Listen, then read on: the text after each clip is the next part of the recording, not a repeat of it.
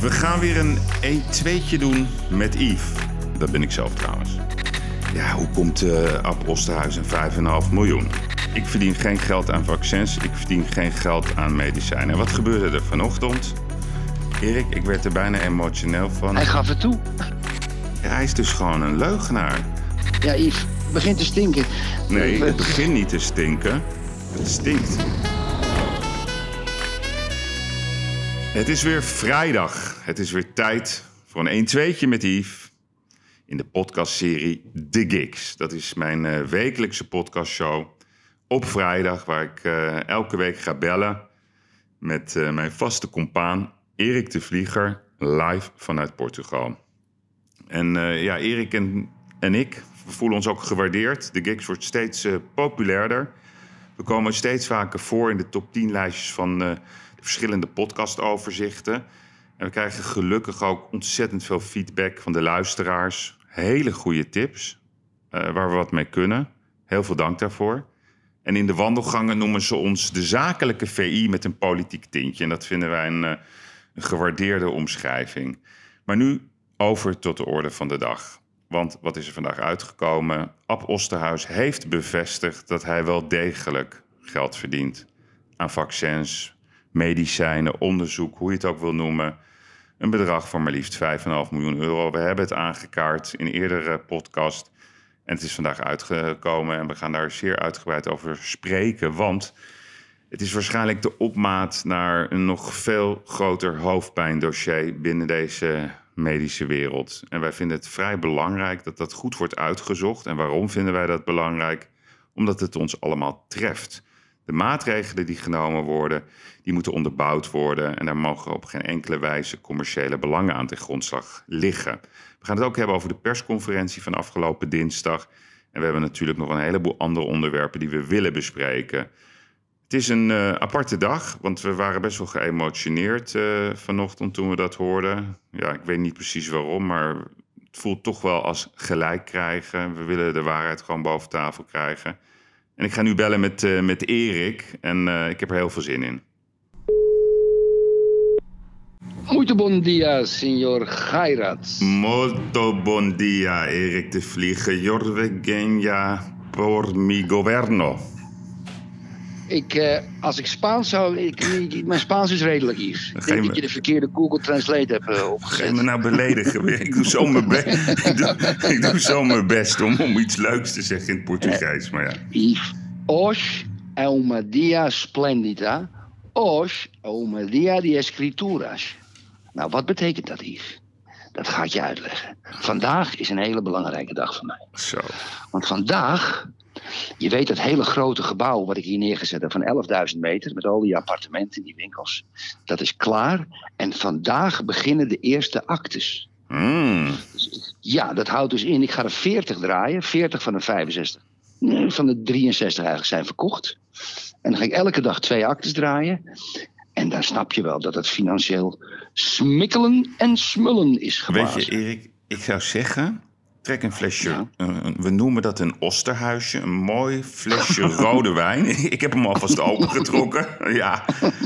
Oh, Appie Osterhuisje. Je, Appie Opera's. Oh mijn oh, god. Dat pot, Erik, dat podcastje, weet je nog? Dat podcastje. Ja, dat podcastje van jullie, ja. Ja, ja, leuk, ja, ja, ja. Nou, Terwijl luister. wij nog... We gaan het zo natuurlijk behandelen goed.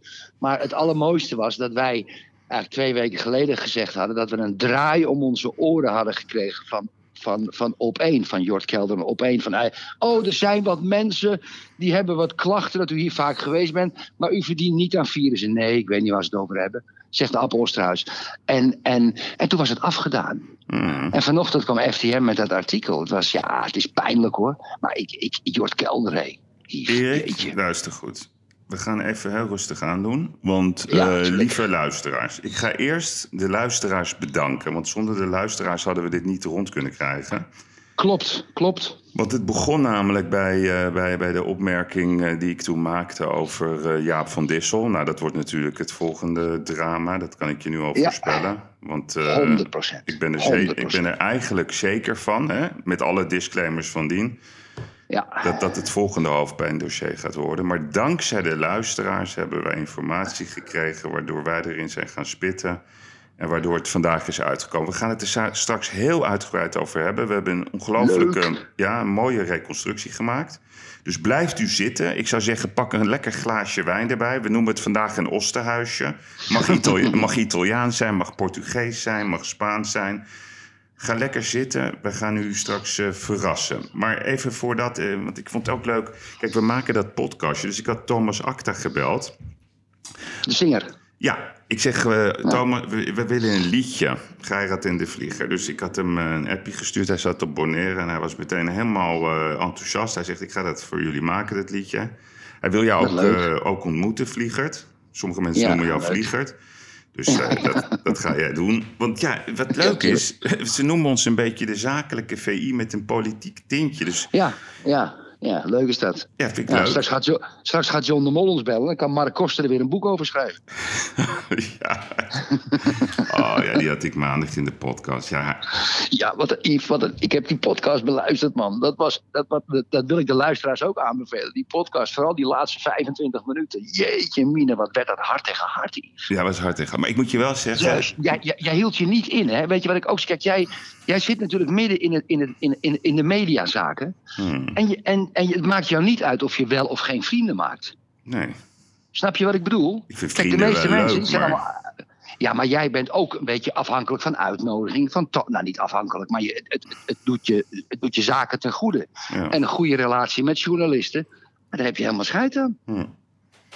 Vind ik wel leuk. Nou, nee, maar ik moet je zeggen, kijk, eh, Mark, ik, ken- ja? ik ken Mark, ja, nee, ik, ja? ik, vind ja? het ook leuk. Ja, ik vind het ook leuk. Ja, nee, maar ik wil, ook, ik wil ook wel even naar hem toe.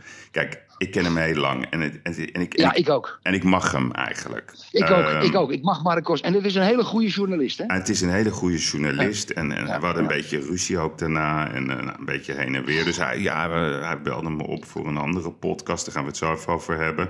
De, de podcast die hij doet met Sander Schimmelpenning, die ken je ook. En Die toen- lul. Lul? Ja. Hoezo? Een grote lul, ja. Daar zal ik ook zo over vertellen. Oh, Daar heb ik ruzie mee gehad een paar weken geleden. Oh, oké. Maar goed, dus ik had hem ehm, eh, gezegd... Ja, ik wil best wel in, in die podcast, maar wat is de bedoeling daarvan? Ik bedoel, als, eh, ja, voor studenten. Ik zei, nou prima, eh, ik wil altijd voor studenten opstaan. Dan wil ik juist wel vertellen hè, wat iconische leiders in ons land zijn. Nou, dus toen zei ik... ehm, ik had in de podcast een paar anekdotes verteld over de mol. En toen vertelde ik er nog eentje. En dat, om, om de mol te typeren. Ik zat een keertje bij hem aan, eh, op zijn kantoor... En toen eh lagen allemaal bladen. En toen zegt de mol tegen mij... Ja, dat horloge, dat wil ik ook. Ik zeg, ja, maar jij bent de grote John de Mol. Ik zeg, dus hij zegt, ja, bedoel je? Ik zeg, ja, jij kan toch elk horloge krijgen wat je wil? Ja, maar dat vind ik zo moeilijk, zegt hij. Dan moet ik naar die winkel hier in, in Laren. En die heeft niet al die modellen. Ja, ik zeg, maar dan ga je toch gewoon naar een andere winkel? Ja, ja, ja. Dus ook nog die Wat een probleem. ja, wat een probleem. Ja, ja. Dus ik zeg, maar wat wil je dan? Toen zegt hij, ja, ik, wat, eigenlijk wat ik wil is een man met een koffer. Ik zeg, oké, een man. En dan? Ja, met, met de mooiste modellen, dat lijkt me leuk. Weet je, dat oude idee van die, van die reiziger. ja, dus ik zeg, nou, ik zeg, ik ga jou helpen. Dus ik bel, pak mijn telefoon, ik bel natuurlijk... eh, onze vaste relatie. Nou, ik zal de naam Ja. maar niet noemen, dat vind ik niet zo, Nee, niet doe zo netjes. Nee, dus ik zeg, en die jongen die neemt op, ik zeg, heb jij een koffer? En de mol die zit me zo aan. dus, hij zegt, dus hij denkt, nou, wat gek is dat? Ja, ja, hij zegt, ik heb een koffer. Ik zeg, nou, ik zit eh, bij de mol. Eh, kan je een keertje langskomen met een koffer en de mooiste modellen daarin stoppen? dus ik zeg, nou, hier, ik ga jullie koppelen aan elkaar. En al dus geschieden. En wat doet dan de mol? En dat, daar, daarom vind ik het zo'n leuke kerel. Hij belt mij daarna op. Hij zegt, nou Yves, eh, ik heb dit gekocht en dat. Ik zeg, waarom vertel je me dat allemaal? Daar gaat me niks aan. Nee, zegt hij, maar dat is toch ook voor jou goed? Ik zeg, nee, John, ik doe daar niet aan. Ik ga daar nooit tussen zitten. Ik wil gewoon Nee. onafhankelijk zijn. ja. Nou, daar was hij Ja. helemaal verbaasd over. Maar Ja. het is echt een... een Had hij veel gekocht? Had hij veel gekocht? Ja, ja, ja, ja.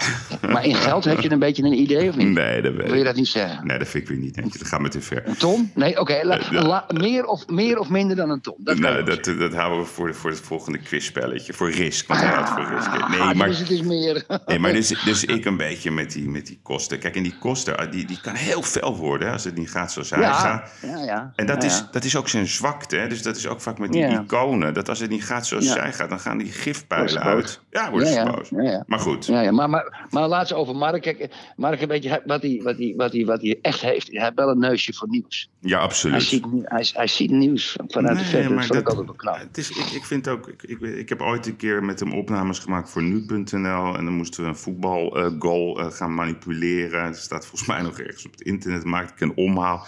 En met allemaal jongetjes in West. En dat was zo gezellig. Dus Mm. ik, ik mag hem wel. Maar hij moet zijn gifpijlen af en toe ook een beetje wat beter Ja. beoordelen. Maar goed, Ja. jij, wou- jij wou Ja. iets zeggen over die andere? Die, die ken ik namelijk niet. Schimmelpenning.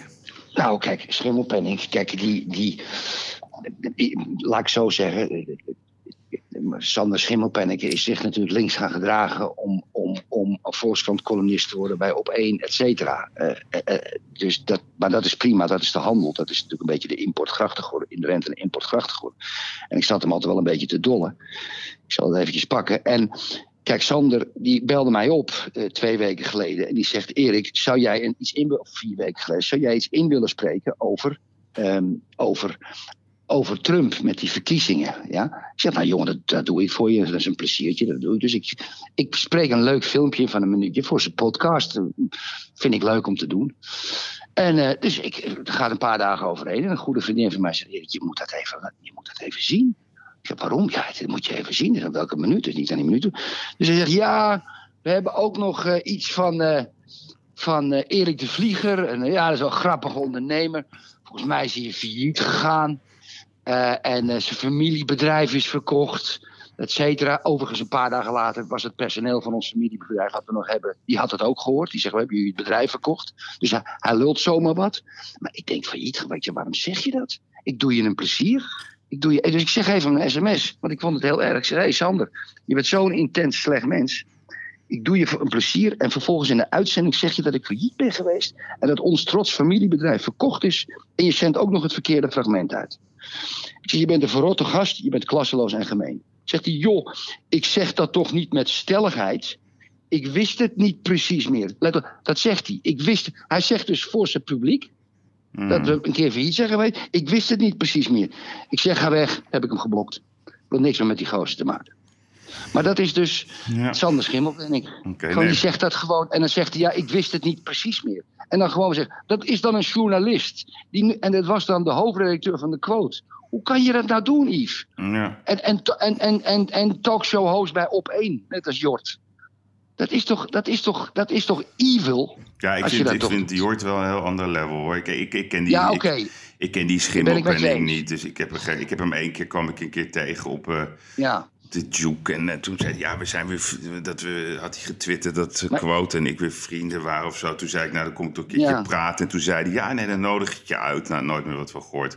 Nee, maar ik pik dat niet. Ik Nee, pik dat niet. Dus nou ik geef gelijk een WhatsApp. Ik zeg, man, je bent niet goed bij je hoofd. Nou, niet te veel aandacht eraan. Oké, Erik. Nee. Eh, punt, punt. Hey, maar in ieder geval, wij willen, en dat is wel belangrijk, want we, hebben, on- we komen hierop omdat ehm, wij willen op één komen. Niet op één, hè, maar met, op één met onze podcast. We zijn nu steeds trending, maar we willen, waarom willen we dat eigenlijk? Want dat vind ik ook belangrijk. Kijk, de mensen moeten begrijpen, wij willen bereik.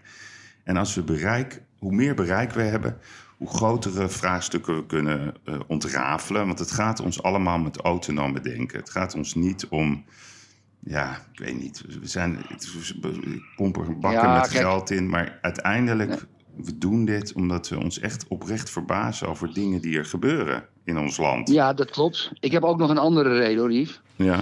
Kijk, door corona ben ik weinig in Nederland. En ik, heb, ik, ik, en, en, en ik vind het ook heel fijn om, ehm, om deze podcast te doen. Ik vind dat gewoon, ik verheug me erop. Jij en ik hebben een lekker systeem. Trouwens, dan wordt het glad. Zullen we overgaan tot de orde Ja, van de dag? ja, inderdaad. Ja. Maar goed, Ja, dus... jakkes. Ja, Ja.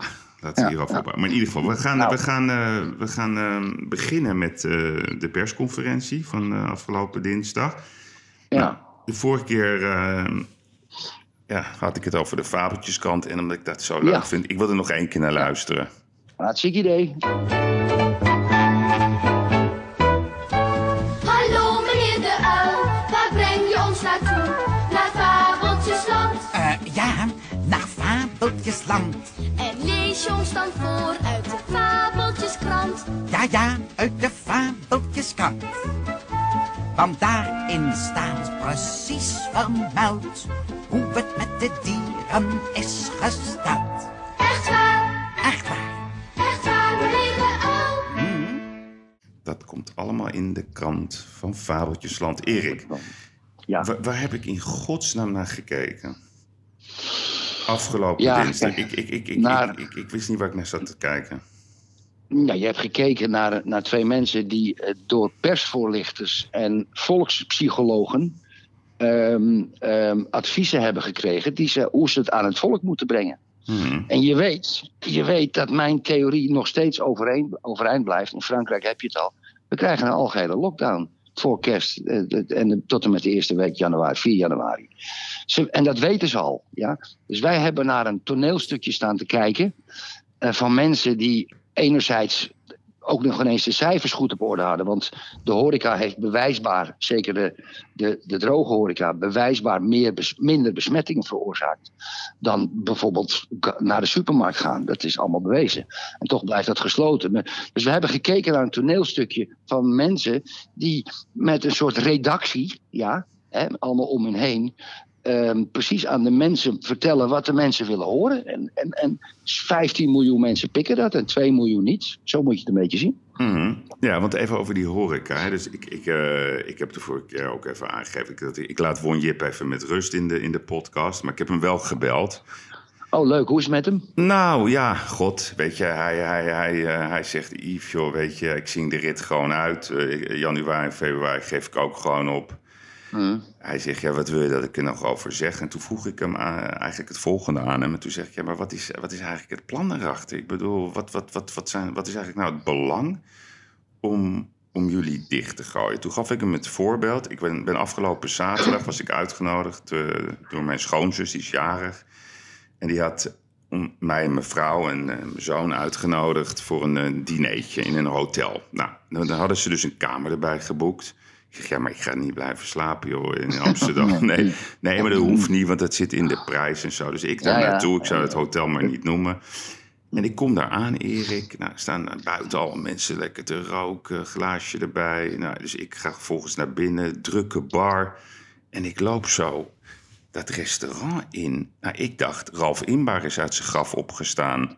ja, ik denk, dit is ken kenbaar. Helemaal ramvol, dat restaurant. Nou, Echt. Maar echt, Erik, gewoon full house. Dus wij gaan En die zitten. mensen, hadden allemaal een die mensen hadden allemaal een kamer geboekt ook, Ja. anders kon je dat niet. Nee, Ja, nee, zo ja. werkt dat. Nou, dus dus wij gaan zitten. Ik zeg, nou, het is een mooie avond dit. Dus we willen een mooie wijn. Hè, verjaardag. Ik zeg, maar ik heb begrepen, na acht uur, ja, dan mag het niet. Hè, maar ik zeg, ja, eh, het is nu kwart over zeven. Dus ja, één flesje gaat er snel doorheen. Eh, hoe werkt dat? Doe, er maar, doe er maar twee. Nee, toen zegt ja, nee, je mag geen fles op tafel. Ik zeg, maar als we dan eh, wat, wat meer bestellen en we schenken het uit... en dan verspreiden we dat een beetje. Ik zet wat bij de open haard en wat op tafel. Nee, dat is prima. ik zeg, oké. nou, Wat een onzin, hè. Nee, maar Erik. Erik, zegt hij, dan doen we dat. Ik zeg, hebben jullie nou ook boze restaurantmensen hier? Nee, want die gunnen het ons wel, maar die begrijpen het niet. Ik zeg, nee, je meent het. je meent het dat ze niet begrijpen. En toen vroeg ik aan, aan, aan, aan Won, ik zeg, maar Won, wat, wat is dan het plan? En toen zei hij heel simpel, hij zegt, Yves, ze hebben ons opgegeven. We zijn gewoon niet belangrijk genoeg voor de economie. Ja. En dat klopt ook met, met de opmerking die Wouter de Winter zo even terloops maakte op Radio 1, wat ik ook vorige keer heb benoemd. Van, ja, Wouter Winter van de Telegraaf. Ja, exact. Winter, ja. die toen had gezegd van, joh, ik, eh, ik sta hier dan in de kamer, er komt zo'n voorman van de horeca, een mooi verhaal, en dan zet hij dat op social media en dan gaat hij weg. Ja. En dan lachen ze hem eigenlijk uit, die politici. Ze ja, horeca is helemaal niet belangrijk, want ja, laten we eerlijk zijn, die mensen komen wel aan een andere baan. Kijk, als ze dat zeggen, dan heb ik nog respect voor ze. Maar als ze het verdraaien, dan word ik geïrriteerd. En ik ga je nu... Hoeveel, hoeveel, ja, hoeveel horecatenten zijn er in Amsterdam ook Acht- weer? 8000. 8000. 8000, ruim. Ja, maar nu ga ik je toch eventjes een, een, een anekdote verklappen. Kijk, Halsema, eh, die stond... eh, er, was een, er was een bijeenkomst op eh, eiland Pampus, een paar maanden geleden. En, dan- en dan gaan ze weer over de plannen van Amsterdam filosoferen. Nou echt, Erik, als wij daar zouden zitten... zouden we na drie minuten zeggen... joh, we gaan lekker buiten roken. We zijn helemaal klaar mee. Ja, ja. Maar die Halsema, die gaat ook een sigaretje roken. Nou, en, dat, en die zit zo te lullen met iemand die ik heel goed ken.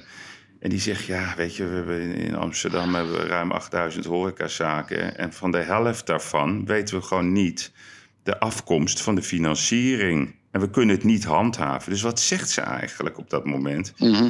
Ja, weet je, we willen gewoon dat er minder horeca komt. Want ja, Ja. er zit te veel crimineel geld in. ja. Dus laat Ja. het maar doodbloeden. Ja, ja En- die vallen ze aan. Het is altijd zo geweest ook. hoor. En, en weet je wat het is? Dus de goede mensen, en dat vind ik zo kwalijk. Ja. En daar maak ik me Ja. oprecht boos over.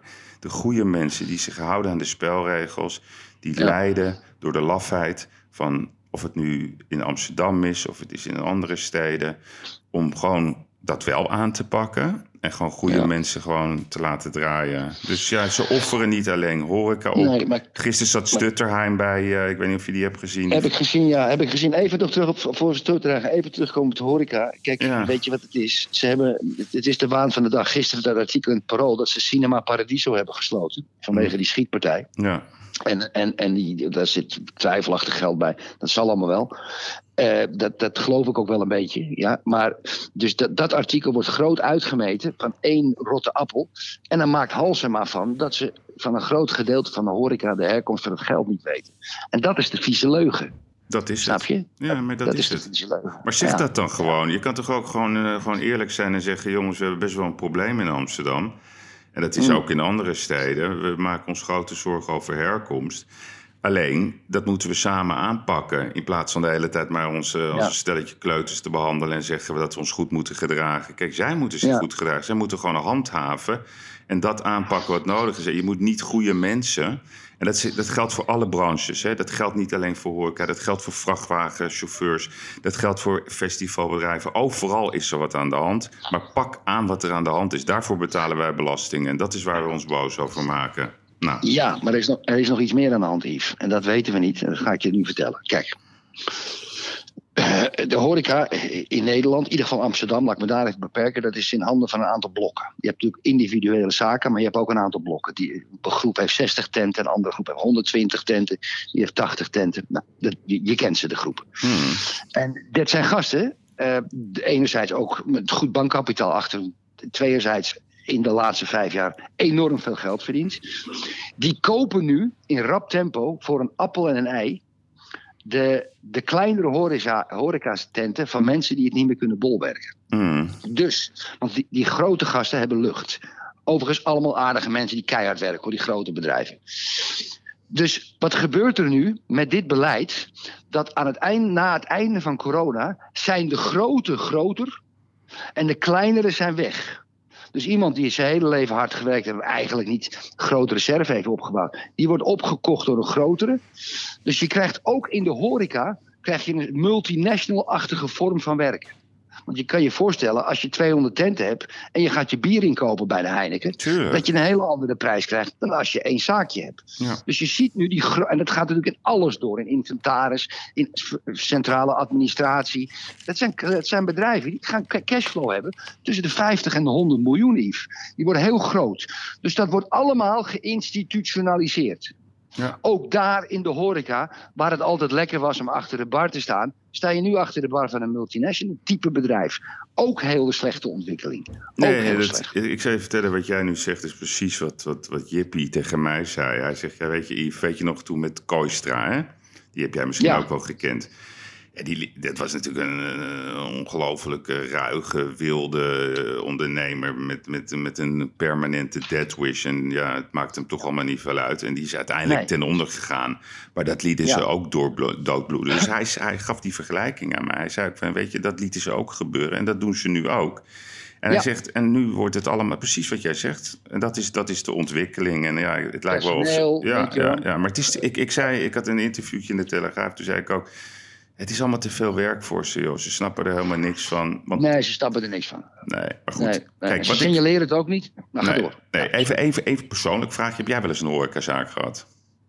ja, God, ze hebben bijna mijn kost gekocht. Ja, je kop, hè? Vertel eens even. God, ze mij maar. Oh god, ga ik nu een Ja, beerpunt overtrekken? verhaal. Ja. dat is een beerpunt, man. Hou op. Ja, ik, ik krijg koude rillingen. Ja. Ja, dat, eh, ja ik, ik, heb een, ik heb een horecazaak gehad. En toen heb ik na dit avontuur, jaren later, heb ik tegen mezelf gezegd... ik sta alleen nog maar voor de bar en nooit meer achter de bar. ja. Ja, eh, saillant detail. Ik Ja. heb het aan Koostra verkocht. Oh, geesten. Uiteindelijk. Weg ermee. Heel, Ja. Voor heel weinig. Ja. En dat was, en dat, was, dat was op een hele mooie dag. En toen, en toen, dat was via een tussenpersoon. Ik kende die Koostra niet. En toen werd ik uitgenodigd Ja, dat is heel gek. Bij het Amstelhotel, prachtige dag. En toen zaten we buiten op het terras bij het Amstelhotel. En dan zat een van zijn schandknaapjes ook bij. Hij was, hij was homo, moet hij zelf weten. Maar hij had altijd van die jonge gasten om hem heen. Ja. Niet jong, als in heel jong, ja. Jongetjes van 20, 21, 22 jaar. En hij was niet echt een hele knappe man. En, en, dat, en dat deed hij natuurlijk expres. En dan zat ik met hem en het jongetje, zaten we te praten over de prijs. En dan ging hij tegen dat jongetje zeggen van nou, ga jij maar vast naar boven, ik kom je zo verwennen, schatje. Ja. En daar voelde ik me toch een beetje lullig over. Maar dat deed hij expres. Ja, Ja? ja. Ja? maar je, Dat nooit nou, meer, ik- nooit meer, hè? Nooit meer. Nee, Never. nee, Never. ik, ik ook hoor, Erik, moet je luisteren. Ik had eh, toen eh, het blad Jackie, ik weet nog heel goed. En toen had Robin Ja. Bravenboer. Robin Bravenboer, dat is eh, ja, best wel een grote ondernemer in Rotterdam. Die had allerlei zaken. Eh, die had ook Crazy Piano's. Die had een zaak met Kluivert. En die had mij toen benaderd. Ja, we moeten iets samen doen en zo. En dus ik liet me toch weer verleiden. Je weet hoe dat gaat. Je bent altijd Ja, in voor ja. avontuur.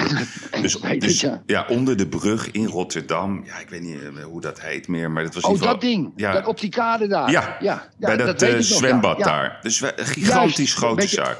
Ja, Prachtige zaak. Ja. ja, maar ik heb natuurlijk geen horecaman, dus ik bekijk alles conceptueel. Dus ik zei, ja, we moeten eh, tubes erin zetten, dat je ook merken kan beleven. Dus ik had Kees Dam, de architect, gebeld. En, nou, ik zeg, je moet helemaal losgaan. Dit is hoe ik een horecaconcept zie. Nou, dus daar werd me daar een club gebouwd, jongen. Dat was Jackie RC.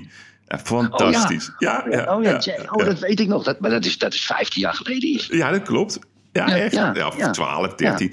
En toen, ehm, nou, dus, dus bij de opening, jongen, duizend man, de hele brug bezet. Nou, geweldig. ja. Maar ja, dus ik bel elke keer. En hoe gaat het? Ja, ja, goed, goed, goed. Maar ja, aanloop, aanloop. Maar het zat elke, het zat elke avond vol, Erik. Dus ik denk, ja, gaan we, gaan we nog een keer geld verdienen? Maar, maar, maar alles moeilijk, moeilijk. Dus ik denk, oh god, daar ben ik nou weer ingestapt. En op een gegeven moment kreeg ik een belletje. Zeg, ja, Yves, moet je luisteren.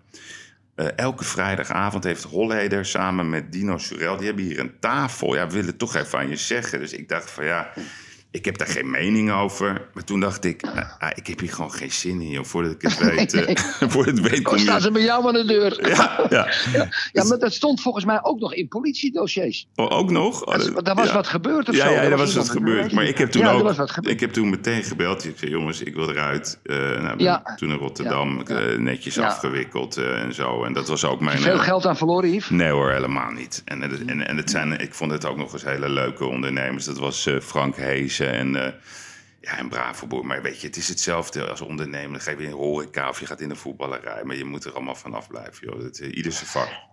Ieder zijn vak, Yves, ieder Hey, vak. Maar goed, luister. We gaan een aanloop maken naar eh, onze, ons grote verhaal van vandaag. Dat is Ja. de onthulling over het vermogen van Ab Ossenhuis. De cirkel is rond. Ja. Maar we gaan rond, eerst, eerst wil ik, om, om het verhaal ook aan de luisteraar helder te maken... over de looplijn, hoe dingen zijn gegaan... Gaan, heb ik een selectie gemaakt van eh, fragmenten uit de speech van Mark Rutte op 16 maart...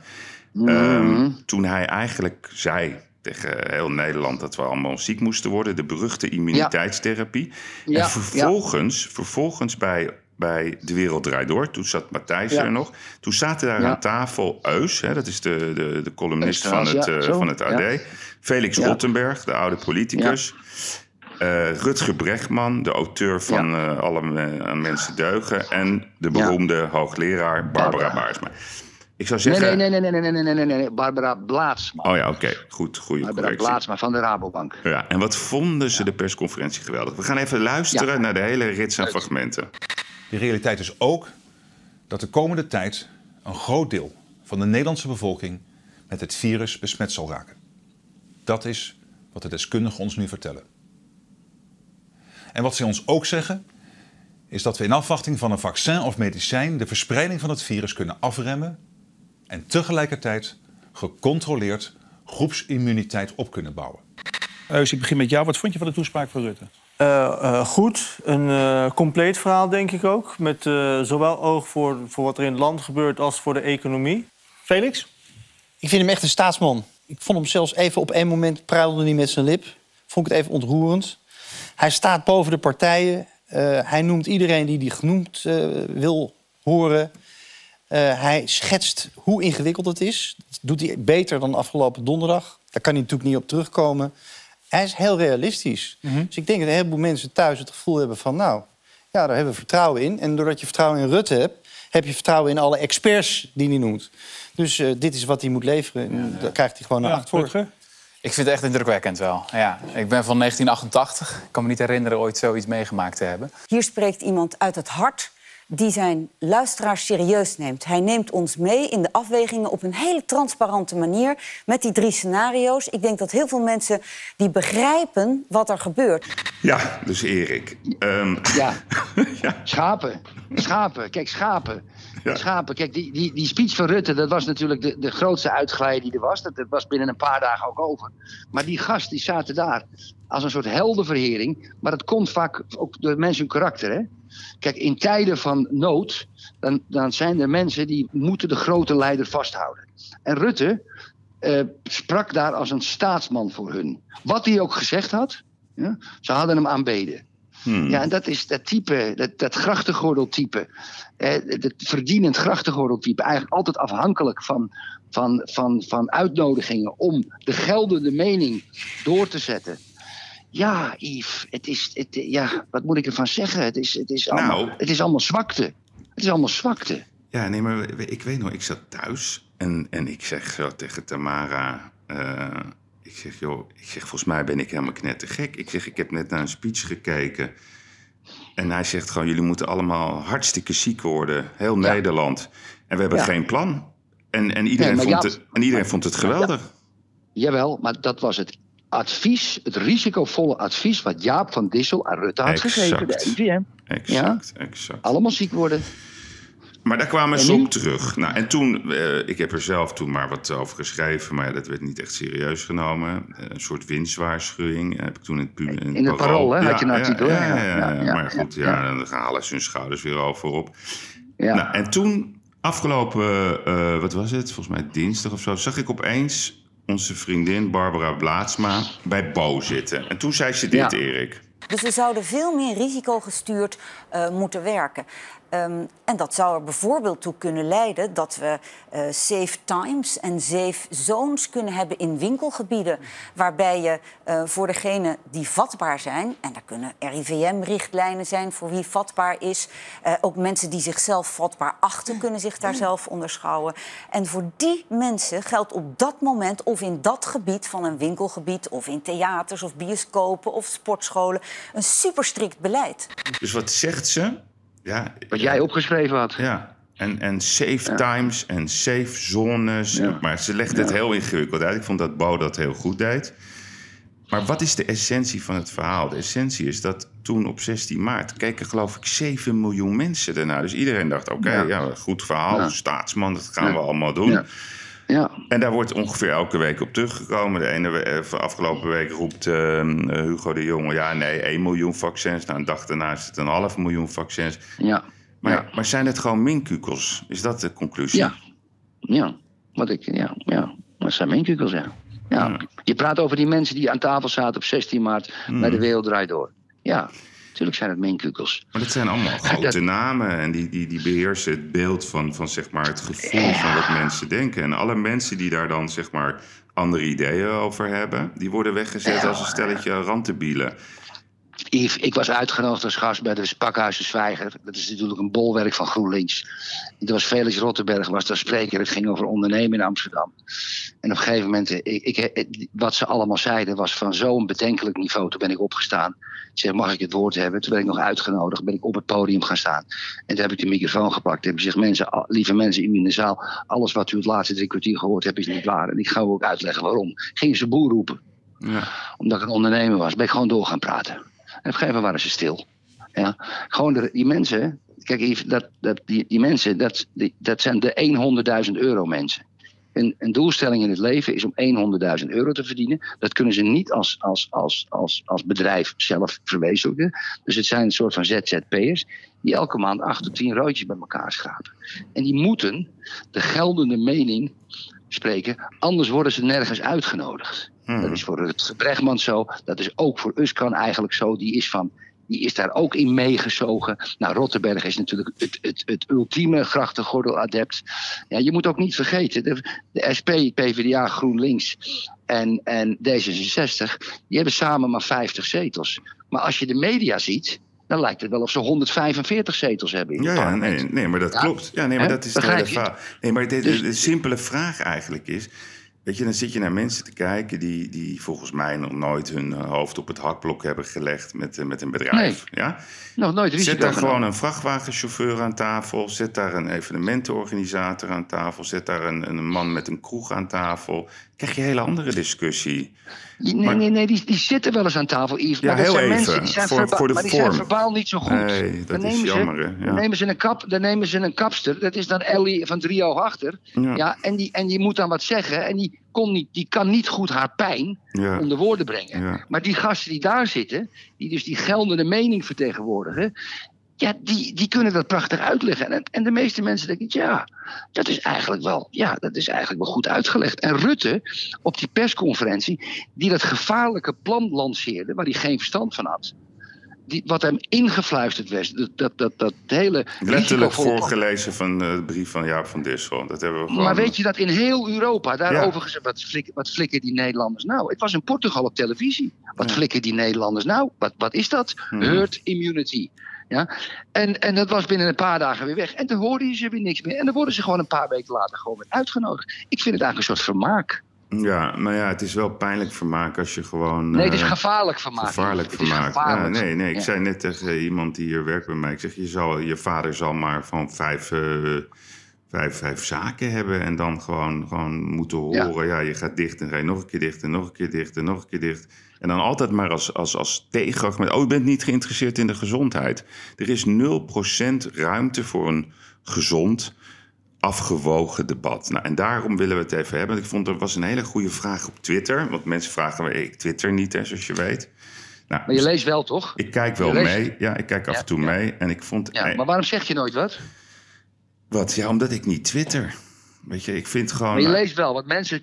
Ja. Ik, ik geef wel eens tweets en dan, dat doe ik je intake. Dan lees je wel wat ja, mensen ja, nee, schrijven. zeker. Dus, dus ik neem nou, er dat af is en toe... belangrijk. Voor, ja, mij, ja, nee. voor mijn twitteraars is dat belangrijk. Nee, dus wat ik doe, hè, dus, dus, dus bijvoorbeeld heel 's ochtends vroeg of zo. Ik weet niet, ik heb de laatste tijd heel veel energie. Ik ben meestal om vijf uur wakker. Nou, dan ga ik het even allemaal teruglezen.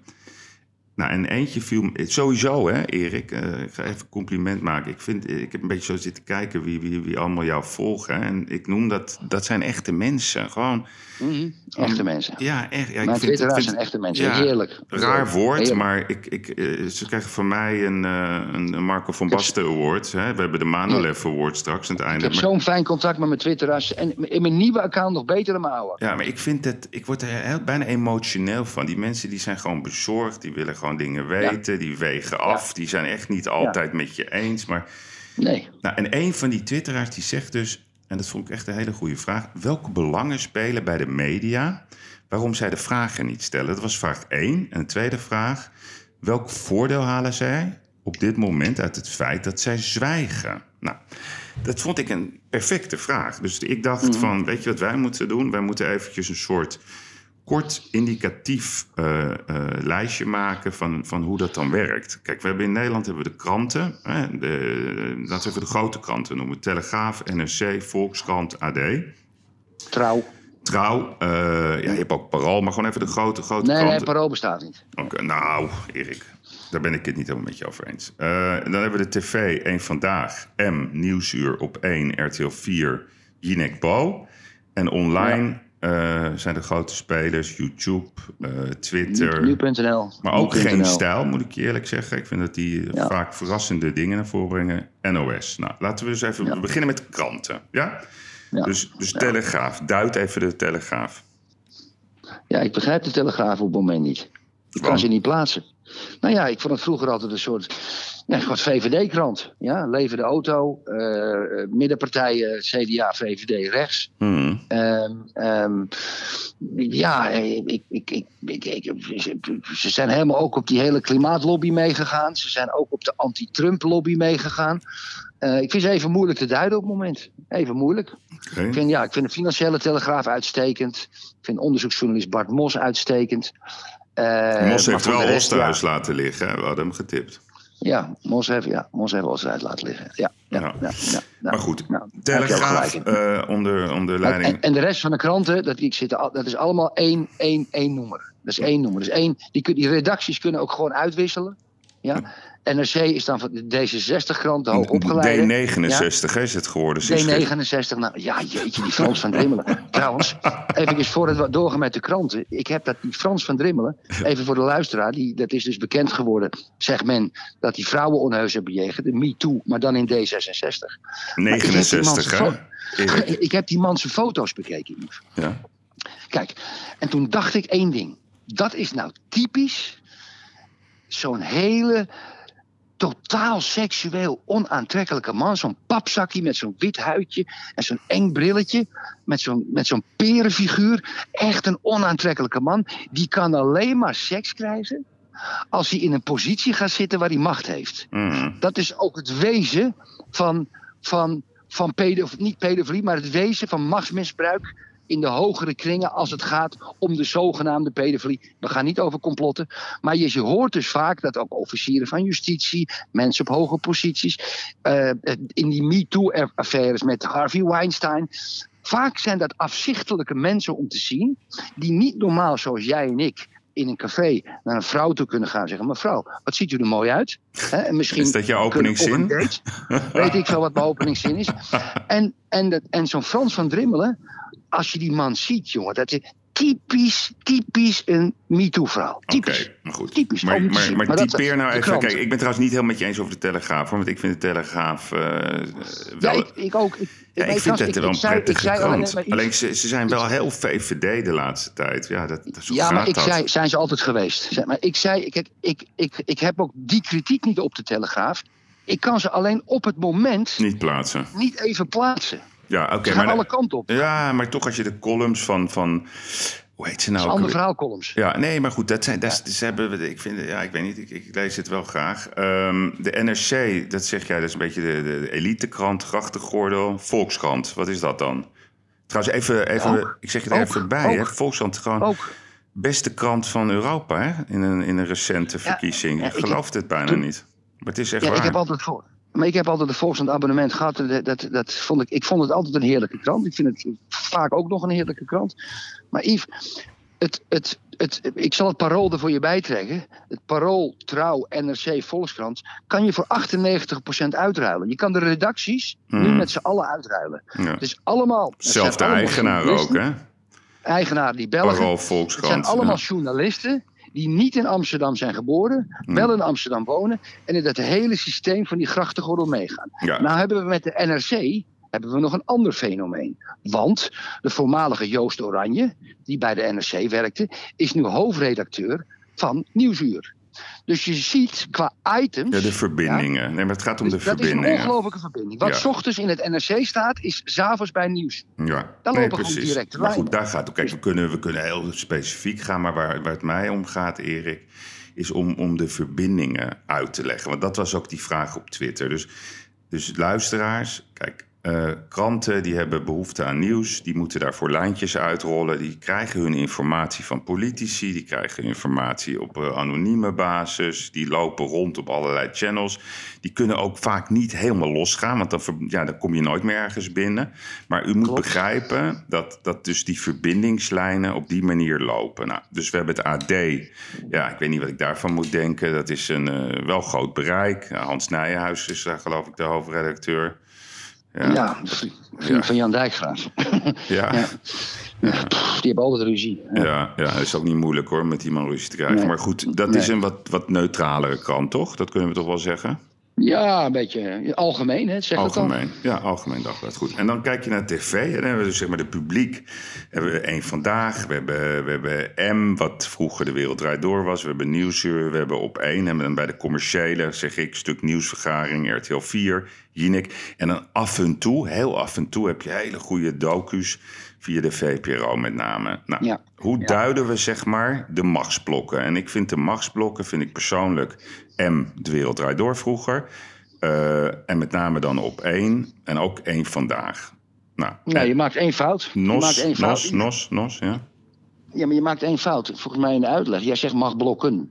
Het, zijn, het is niet meer fout. Oké. Geloof me nou, in die hele Amsterdamse scene, ja, of in die driekwart van die Amsterdamse media scene, met die kranten die we net noemden en die tv-programma's, die hebben allemaal contact met elkaar. Hmm. Die komen in dezelfde restaurants, in dezelfde cafés. Die, hebben, die wisselen dat uit. Eh, dat, is, dat is één, één groot machtsblok. Dat zijn niet machtsblokken, dat is één groot machtsblok. Ja, nou, ik, Hilversum en Amsterdam en import Amsterdammers. Dat, Ja. dat, dat, nou, moet je, ik ben dat- niet dat moet je helemaal heel simpel zien. Ja, ik weet niet of dat helemaal waar is. Kijk, ik denk dat, dat, dat, dat, dat, dat, dat is een, dit is een, deze discussie is te complex om hier in een kwartiertje even overheen Nee te wandelen. nee hoor, het is één, nee, het is één groot machtsblok. Zo Ja, simpel is het Oké, maar jij, ziet, jij zegt het is één groot massablok. Maar nog even op die vraag. ehm, wat is dan het belang waarom de vragen niet gesteld worden? Daar gaat Om het om. zichzelf, dat, dat is heel simpel. Maar is om het niet zichzelf- gewoon onkunde ook? Nee, dat, dat zal best. Zullen heel, maar er zijn ook deskundige journalisten. Maar maar wat, me, kijk, wat mijn punt is, Yves. Ze, ze, dat hele grote machtsblok. die hebben op een aantal kernvraagstukken. klimaat, Trump, eh, Black Lives Matter. ehm, Immigratie. eh, Hongarije, eh, immigratie. Die hebben een, een ongeschreven. of een deken. met al die cruciale punten over dat hele machtsblok gelegd. En dat is de mening. Ja. En daar wijken ze met een paar. Met een paar. je zag het aan Baudet. Ja, Baudet met zijn stomme gelul over antisemitisme en dingen. Hij zal heus wel een paar fouten gemaakt. Maar ze doken daar dus met z'n allen alsof er, een, alsof er één iemand een signaal geeft. We pakken hem. Mhm. We pakken hem. Toen wij, toen wij uitlegden dat Rutger Groot-Wassink en Femke Halsema een conflict hadden... en dat Jesse Klaver moest bemiddelen, wat gewoon waar is... heeft niemand daar verder over geschreven. Want dat past ze niet. Mocht het zo zijn dat Geert Wilders met Mart- Martin Bosma van de PVV... een conflict zouden hebben, Yves. Eén vandaag, dit is M, NOS Journaal, Nieuwsuur op één. Gegarandeerd op de avond. Ja. Dus er is één beleid afgesproken over de kernvraagstukken in Nederland. En dat is die linkerzijde. De PvdA, GroenLinks en, en D66. Nee, SP er nog een beetje buiten. Nee, dus je kan zeggen, nee, dus waar het eigenlijk op neerkomt, hè, en dat is, dat is dus heel raar eigenlijk als je kijkt naar wat het volk vindt. Hè, want als je kijkt naar zetelverdelingen en dergelijke, is zeg maar de wens voor, voor, ja, voor een andere manier van denken, die is eigenlijk veel groter als de zetels ons laten zien. Maar we zien gewoon dat de media Ja. compleet wordt gedomineerd. Laten we dat dan maar even noemen, de linkerzijde. De politiek correcte zijde. En die Zeker. bepalen het beeld. Nou, dus daar zit aan de ene kant Ja. zit daar een stuk politiek gedrag achter, maar zit volgens mij ook een stukje onkunde achter, eh, baantjescultuur zit daarachter, noem het allemaal op. Nou, en waarom vinden wij dit zo belangrijk, Erik? Want ehm, vandaag wordt ons leven gedomineerd door de deskundigen. Hè? We volgen de Ja. richtlijnen van het RIVM. Nou, en wij hebben, Ja. wij hebben ons daar best wel zorgen over gemaakt, over ja, wat ons allemaal wordt verteld. Wij denken dan, ja, is dat allemaal wel waar? En dan gaan we vervolgens op onderzoek uit. Nou, en, en dan wil Mhm. ik even, even het begin, hè? Dus, want, want dat is, het is ook best ingewikkeld. Ehm, dus het begon met, met Jaap van Dissel, hè, dat ik werd geattendeerd Ja. op het feit dat Van Dissel eh 6 miljoen euro, ik ga het nog één keer zeggen, van, zijn, Ja. van zijn, zijn vermogensrekening eh, weg had gehaald in het begin van de coronaperiode. En dat hij gezegd had tegen zijn vermogensbeheerder: ja, je moet het even stallen. Waarbij ons de Ja. alarm, Ja. gingen rinkelen. Punt Ja, 1. ja. Hoe komt hij aan 6 miljoen euro? Vonden wij een interessante vraag. Punt Ja. 2. Is er sprake van voorkennis? Dus dat was onze, onze enige vraag. Wat we vervolgens gedaan hebben. We hebben van Dissel, nou, ik weet niet hoe vaak gebeld. eh, we hebben brieven gestuurd, mails gestuurd. En uiteindelijk was de korte mededeling: het gaat je geen flikker aan. Dat zeiden Ja. ze niet zo. Ja, ze zeiden het niet zo. Hij deed een, hij deed een. Hij deed een appelstenhuisje. En aan de hand daarvan kwam er bij ons op, eh, op de redactie kwam er een tip binnen over de jaarrekeningen van Ab Osterhuis. En wat wij Mhm, toen gedaan hebben, Erik, ehm, wij zijn dat gaan onderzoeken. We hebben, ik heb mijn fiscalisten ingeschakeld, accountants gebeld. Over die 5,5 miljoen euro. Dus wij, wij hadden gezien dat in een privé vennootschap van Ad Osterhuis, Admeos BV, er tussen 8 en, want het stond niet helemaal correct in, in dat stuk van Follow the Money, daar gaan we het zo over hebben, dat er tussen 28 december en 18 januari er een kapitaalstorting was geweest van 5,5 miljoen euro. En mijn fiscalist die zei toen... Ja, Yves, weet je, dat is gewoon een, een box 3 verhaal. Dus dat die man heeft gewoon 5,5 miljoen euro privé laten rondgaan... om 1,2 procent box 3 heffing. Ja, dus wij zeiden wat ordinair. Ja, Een- het zogenaamde kasrondje. Ja, we vonden dat heel erg ordinair. Maar we bleven vooral met de vraag zitten... Ja, hoe komt eh Ab Osterhuis een 5,5 miljoen? Nou, dus wat gebeurt er de afgelopen week? En dat is eh, denk ik eh, ongelooflijk als je erover nadenkt. We, we hebben een artikel gezien bij Follow the Money, gaan we het ook zo over hebben. Over de belangen van Jan Kluitmans, een andere viroloog. Ja. Die zit diep Ja, met zijn handen in de sneltesten. Even uitleggen wie dat is. Die is van het eh, OMT, hè? Ja, ja. ehm, ja. Ja, dus dat is Kluitmans. En even, luisteraar, ik ga even heel kort het verdienmodel uitleggen van een teststraat. Een, een beetje kleine teststraat, dat heb ik toevallig gehoord van iemand. Die verdient gewoon 5000 euro per dag met één teststraat. Nou, dus dat gaat Ja. om, om serieus geld. Dan hebben we gezien dat eh Diederik Gommers heeft patent op eh, eh, ventilatie. Ja, En dan ja. heb ik het nog niet eens over wat er allemaal in andere landen gebeurt. Dus wat onze Ja. conclusie is, het is nu niet meer een veronderstelling. De medische sector en de virologen, die de hele tijd maar, hè, dat zijn je de, zeg maar de woordvoerders van de medische sector, die zitten zo diep met belangen in deze industrie. Dus we luisteren niet meer naar onafhankelijke verhalen. En dan heb je eigenlijk vaak maar één verhaal nodig om het hele verhaal te begrijpen.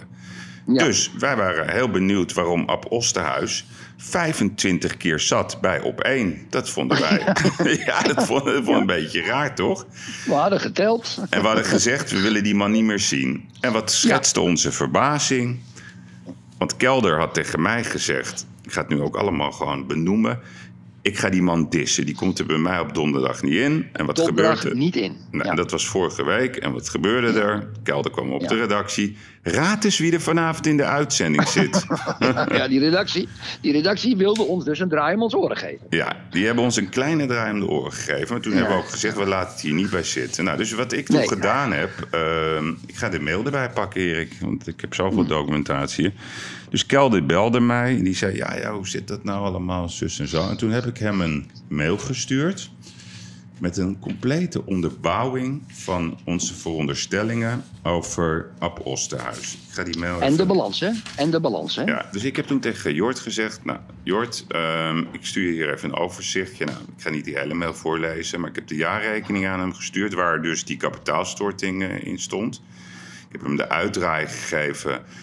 eh, van 28 december en 18 januari... Hè, waarin precies eh, je kon terugvinden dat die gedaan was. Ik heb hem ook eh, verteld dat dat op de vaste activa niet meer terug te lezen was. Ik heb hem ook uitgelegd hoe die box 3-heffing werkt... Toen zei ik, interessant is de vraag... hoe komt Ab Osterhuis aan 5,5 miljoen contant vermogen? En er zit ook nog eens een onverklaarbaar hiaat... tussen de jaarrekening van 2017 en 2018. Die heb ik separaat gestuurd. Ik heb ook hem gewezen op het oude belang van 9,8% in Veroclinics... wat hij had. Ja. Moeten we weer terug naar 2009...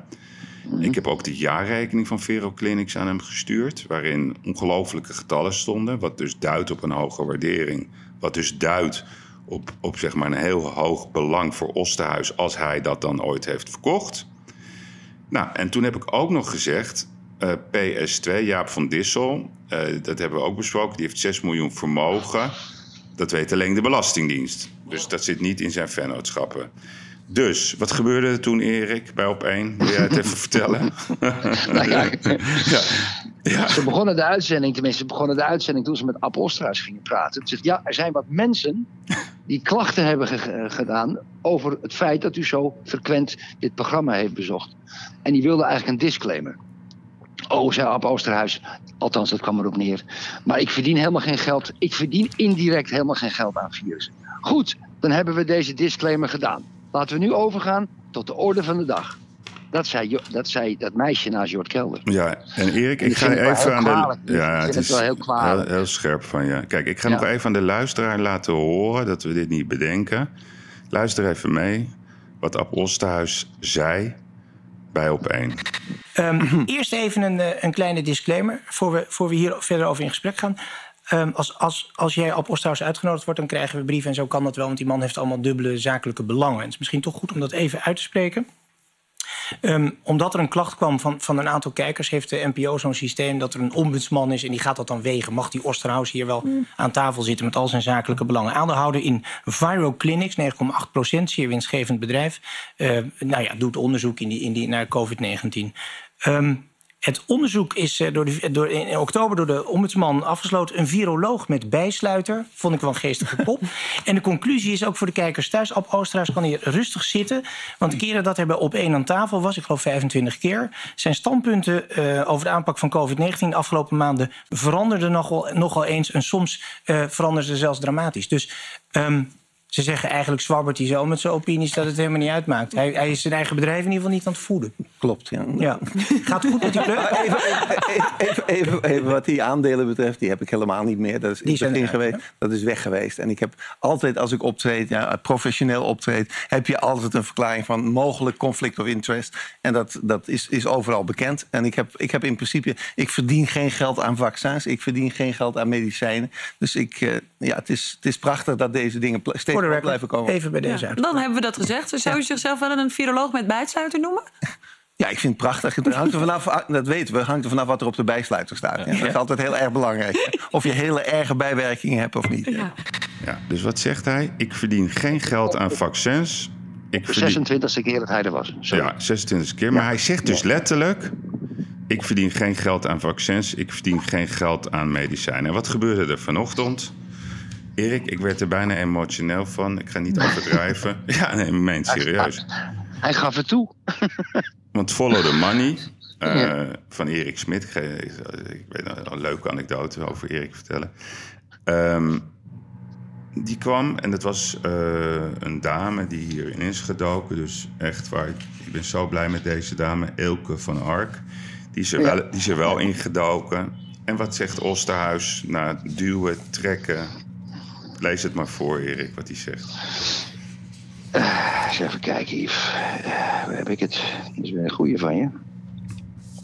Uh, oh ja, maar heeft de verkoop van de aandelen Viro Clinics zijn 5,6 euro opgeleverd. Als we dat aan Osterhaus voorleggen, wat wij overigens al een tiental keer hebben gedaan, weigert de viroloog in eerste instantie zich uit principe hierover uit te laten. Dat is privé. Daar heeft niemand iets mee te maken. Het is al vervelend genoeg dat deze informatie op straat ligt, zegt hij meermalen. Daar bedoelt hij ons mee, denk ik. Moet iedere wetenschapper straks zijn bankrekening prijsgeven? Nou, ik vind dus wel, maar goed. Ten lange leste stapt Osterhuis toch over zijn weerstand heen. En bevestigt hij dat de verkoop van de aandelen inderdaad 5,6 miljoen euro heeft opgeleverd. What the fuck? What the, what fuck? fuck? Ja, even, Waar hij overigens met zijn kasrondje ook geen 1,2% belasting over wilde betalen. Dus hij wilde met die 5,6 miljoen ook nog eens een keer 60.000 euro belasting verleggen. Wettelijk mag het, maar het is belasting verleggen. Dat is ordinair, Yves. Maar wat het nog veel erger is, hij, hij is dus gewoon een leugenaar. Want hij zegt dus letterlijk, letterlijk, ik verdien niet hieraan. Het is allemaal onzin. Zo specifiek heeft hij dat niet benoemd. Hij zit gewoon te liegen bij op één. De redactie van op één. Ik heb meer, ik zeg het je er ook nog eens bij. Ik heb ze het heel vaak heb ik gezegd tegen de eindredactrice. Ik wil heel graag een keer het gaan uitleggen. Ze, ze willen het niet horen, ze willen het niet weten. Dat podcastje ja. hè, van Gerard en de Vlieger.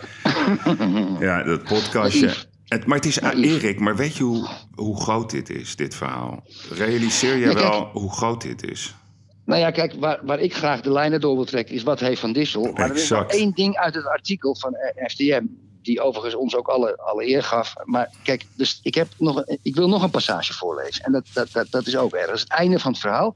Daar staat het volgende. Een aantal anonieme tips, anoniem, oké, okay, geven aanleiding om dat nader te onderzoeken. Zo zou Osterhaus mogelijk ook een belang hebben in een coronavaccin. Ja, ja. mogelijk hè. Een eerste zoekslag in de internationale en Europese databases met patenten levert inderdaad vele hits op. Daaronder ook een patent op naam van Osterhaus. Privé, hè? Het gaat om een hulpstof om vaccins effectiever te maken. Een zogeheten ad adjuvans, Matrix M. Yves.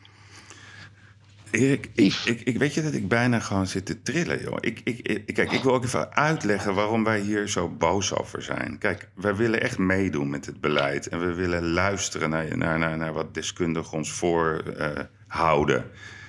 maar het gaat, het gaat hier om, om, om levens. Het gaat om mensen die, die hun bedrijven dichtgooien. Hun, hun, hun, hun hele, ja, hun hele carrière, hun hele geschiedenis. Dat moet maar wijken Ja. omdat, we, omdat we bang worden gemaakt. Gewoon even een paar feiten, Erik. Er zijn 50 miljoen testen gedaan in de wereld. 50 miljoen. En van die, van die 5 miljoen. Sorry, excuus. En van, daar zijn maar 20 mensen die herbesmetting daarvan krijgen. Aan de lopende band zijn wij bang gemaakt. Ja, herbesmetting. Oeh, dat is allemaal onduidelijk. Ook Apostelhuis. Gewoon angstcreatie.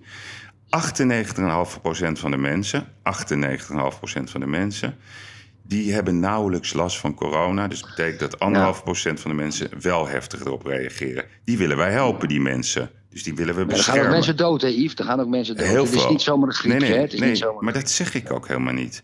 Maar wat ik dan mooi had gevonden, als Rutte had gezegd... moet je eens luisteren, we hebben nu eindelijk die vaccins. 4 januari, 11 januari. Nou, we weten één ding, je moet twee keer vaccineren... Hè, als je daaraan mee wil werken. En dan na drie weken, dan hebben we in ieder geval... alle kwetsbare mensen beschermd. Ja? En dan kunnen we open. Dat is gewoon wat hij hoort te zeggen. En wat we gaan doen, we gaan al die mensen die het moeilijk hebben, dan gaan we omzet kopen bij de horeca. Want die mensen die gaan we gewoon zeggen, joh, ga naar die, die, die mensen die kwetsbaar zijn, ga die lekker verwennen. Maak nou eens een keer een plan. Maar wij worden. Schaf, schaf de BTW af tijdelijk. Schaf de BTW af. Ja, maar ja. Wat, wat, wat, en dat is altijd, daar hoef je maar alle mogelijke crisissen voor terug te kijken. Angst. Dat is namelijk, dat is namelijk het instrument, het businessmodel om mensen een gevoel te geven... ja, ja, ja, we moeten toch wel die lijnen volgen. En daar staan er steeds meer mensen op. Er worden mooie documentaires gemaakt... die gewoon kritisch zijn, maar niet verwijtend. En die stellen gewoon vragen. En die worden vervolgens meteen in allerlei hoeken geduwd. Ja. Erik, het is heel, heel ernstig. Kijk, ik kan je nu al voorspellen... ik kan het je gewoon voorspellen... Jaap van Dissel, die 6 miljoen... Dat wordt het volgende, volgende nachtmerriescenario. Als straks uitkomt hè, dat Jaap van Dissel, moet je nagaan, de baas van het RIVM. Laten we even ook even erbij vertellen. Osterhuis komt ook van het RIVM, die heeft daar gewoon gezeten. Als, die, als blijkt dat die man ook maar enig belang heeft, hè, we gaan het nog steeds niet zeggen dat het zo is. Maar ik zeg nogmaals, Jaap van Dissel, geef antwoord op onze vraag. Klopt die 6 miljoen of klopt die niet? Osterhuis heeft het ontkend. En nu zegt hij, nou, het is toch zo. Ja, ja, het mag allemaal niet op straat komen. Die loopt gewoon Ja. te liggen bij op één. Ik kan me ook voorstellen dat Kelder voelt zich ook genaaid. Die gelooft in de goedheid van de mens. Maar toch had hij de kernvraag moeten stellen... op die bewu- bewuste donderdag. Hoe zit het met die contante storting van 5,5 miljoen? Dan was Osterhuis 100% nat gegaan.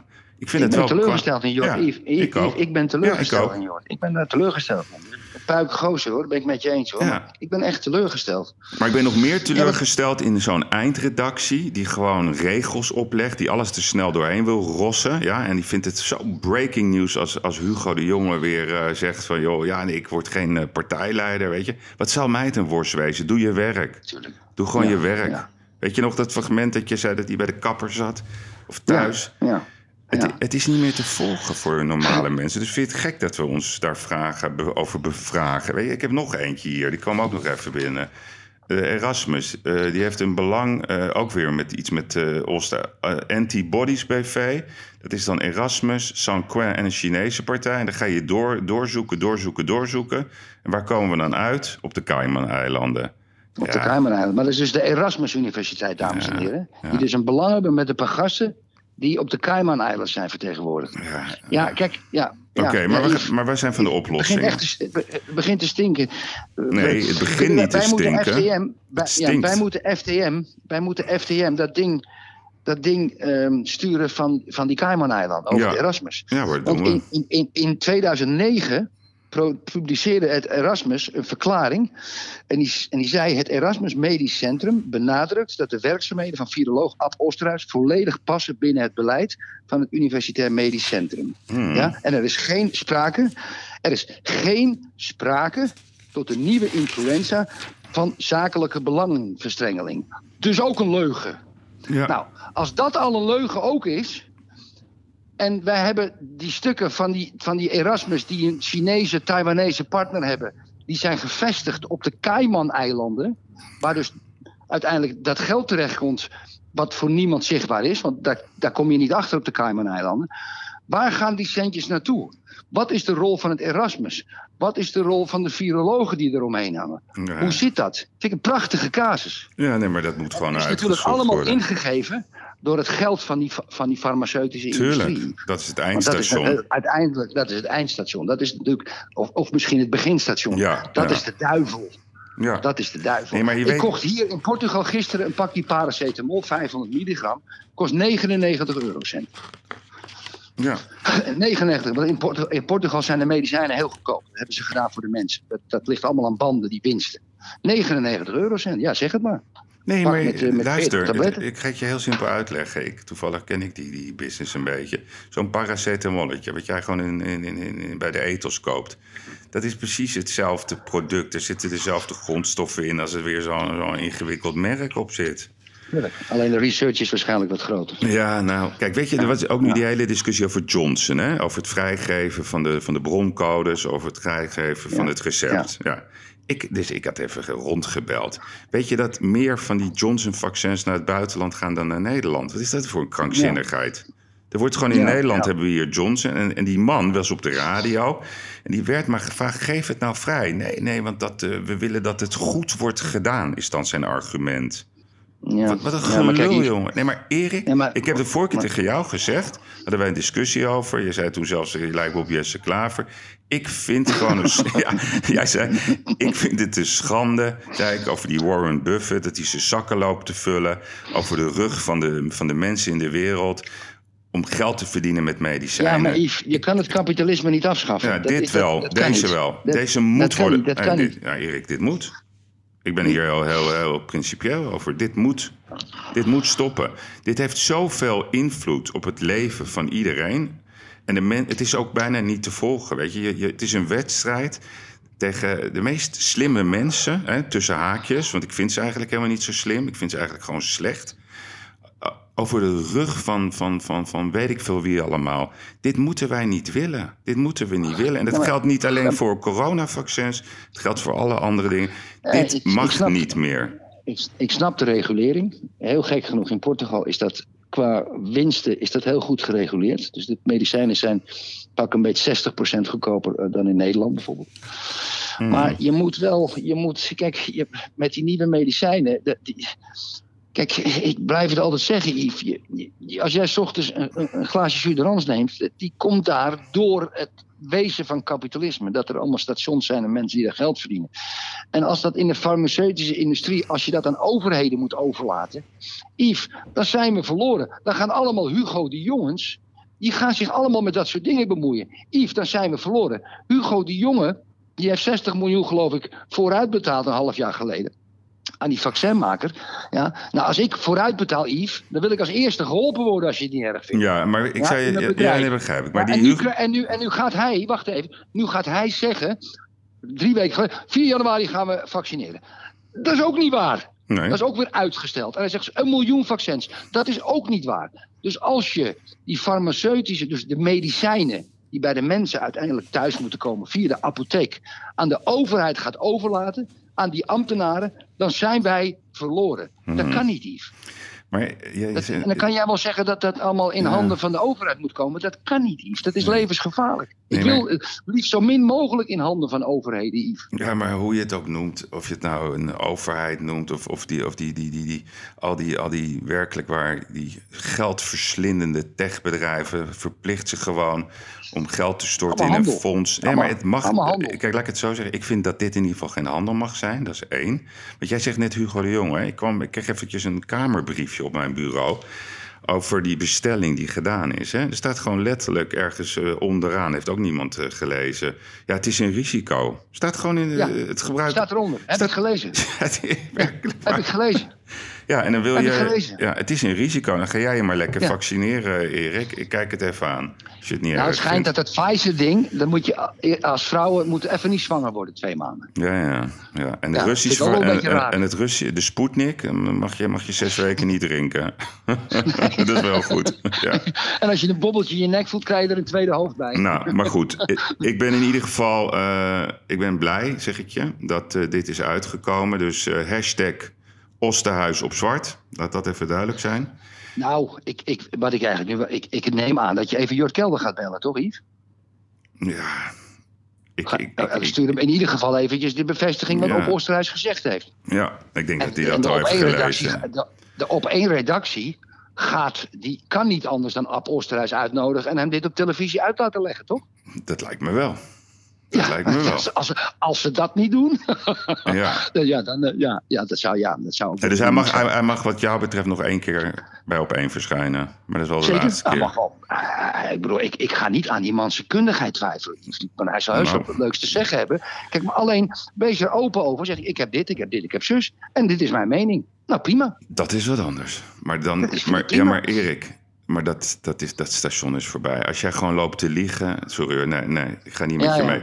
Nee, nee, Maar, laten nee. we, maar ik wil nu Jaap van Dissel zijn vermogen Ja. wel eens zien. Nee, dus dat is Hoe de volgende. Welke, wie, wie wil dat gaan doen? Follow the money. Wie wil dat? Dat is de enige met ballen. Ik ga, ik ga Erik Smit bellen. Ik ga doneren voor het artikel. Ja, en wat weet je wat mooi Ja, is? Ik, ga vertellen, duizend euro overmaken. Weet je dat Erik, hè? Kijk, ik, ik heb ook wel eens met Erik had ik ruzie. Maar ik vind Erik zo'n mooie gozer.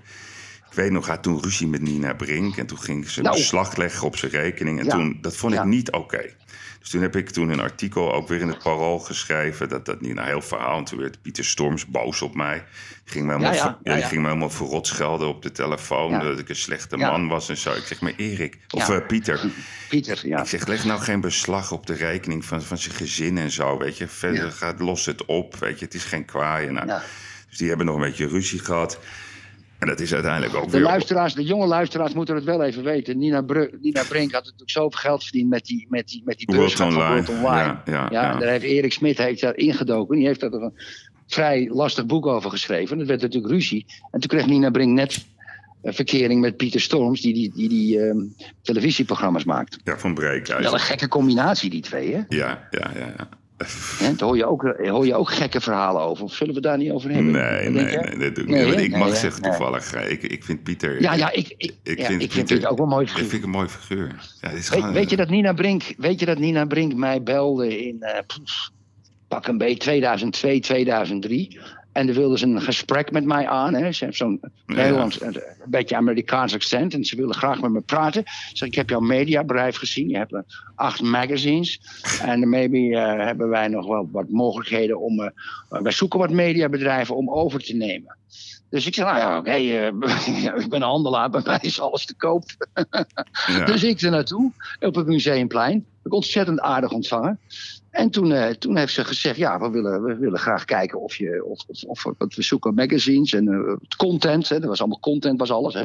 Op een gegeven moment, iedereen moest maar content hebben. En ik had Squeeze, dat homo magazine. Ik had eh, Strictly. eh, Ja, ja. pff, ik had allemaal van die, die dingen, je weet Met het wel. Frans Macau, toch? Ja. Met Frans Macau. En, eh, en toen heb, ik- daar heb ik alle cijfers gestuurd en toen, ja, toen heb ik niks meer gehoord. Het maakt er verder niks uit. Maar het was wel heel apart om met die vrouw te zitten en het accent aan te Ja, nee, maar ik, ik, Ja, ik, ik, heb ook een keertje met haar een deal gemaakt. En toen, en toen Oh? eh, ja, ja, echt waar. En eh Hm? het was 10% En dat had ze keurig gestort. Nou, best wel veel. En toen, toen binnen een week, ja, ik heb die ruzie met Kelder en zo. En jij moet, ik zeg, maar wat gaat er nu gebeuren? Je hebt een 10% storting gedaan. En ben, ben ik nu onder de... aanbetaling.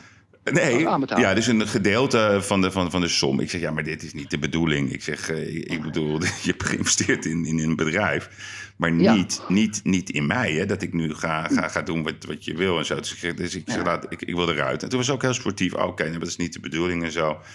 En Heb je geld mogen houden? Nee, gewoon teruggestort. Ja, Oh, nee, maar goed, dus weet je, dat, dat zijn allemaal te ingewikkelde anekdotes. Maar Ja. In ieder geval, ik, ik weet Goed nog dat je het teruggestuurd hebt, Yves. Weet je dat? Kijk, ik, ik, ik, heb ook met mensen, ik heb met die appartementen waar ik in het begin van de uitzending over.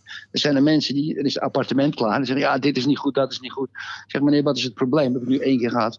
Ja, ja, ja, dan zie ik al dat ze niet willen kopen. Heb ik ook de aanbetaling teruggestort. Wegwezen. Ja. Ga ik geen gezeik. Ga ik niet die aanbetaling houden, dat, dat, daar Maar- heb ik ook geen maar trek. waarom ik meeste het ontwikkelaars vertelde- doen dat wel, hè? waarom ik het vertelde. Ik weet nog dat die Smit stond toen onder druk. En die heeft toen toch eh, allerlei geld op kunnen halen door die actie.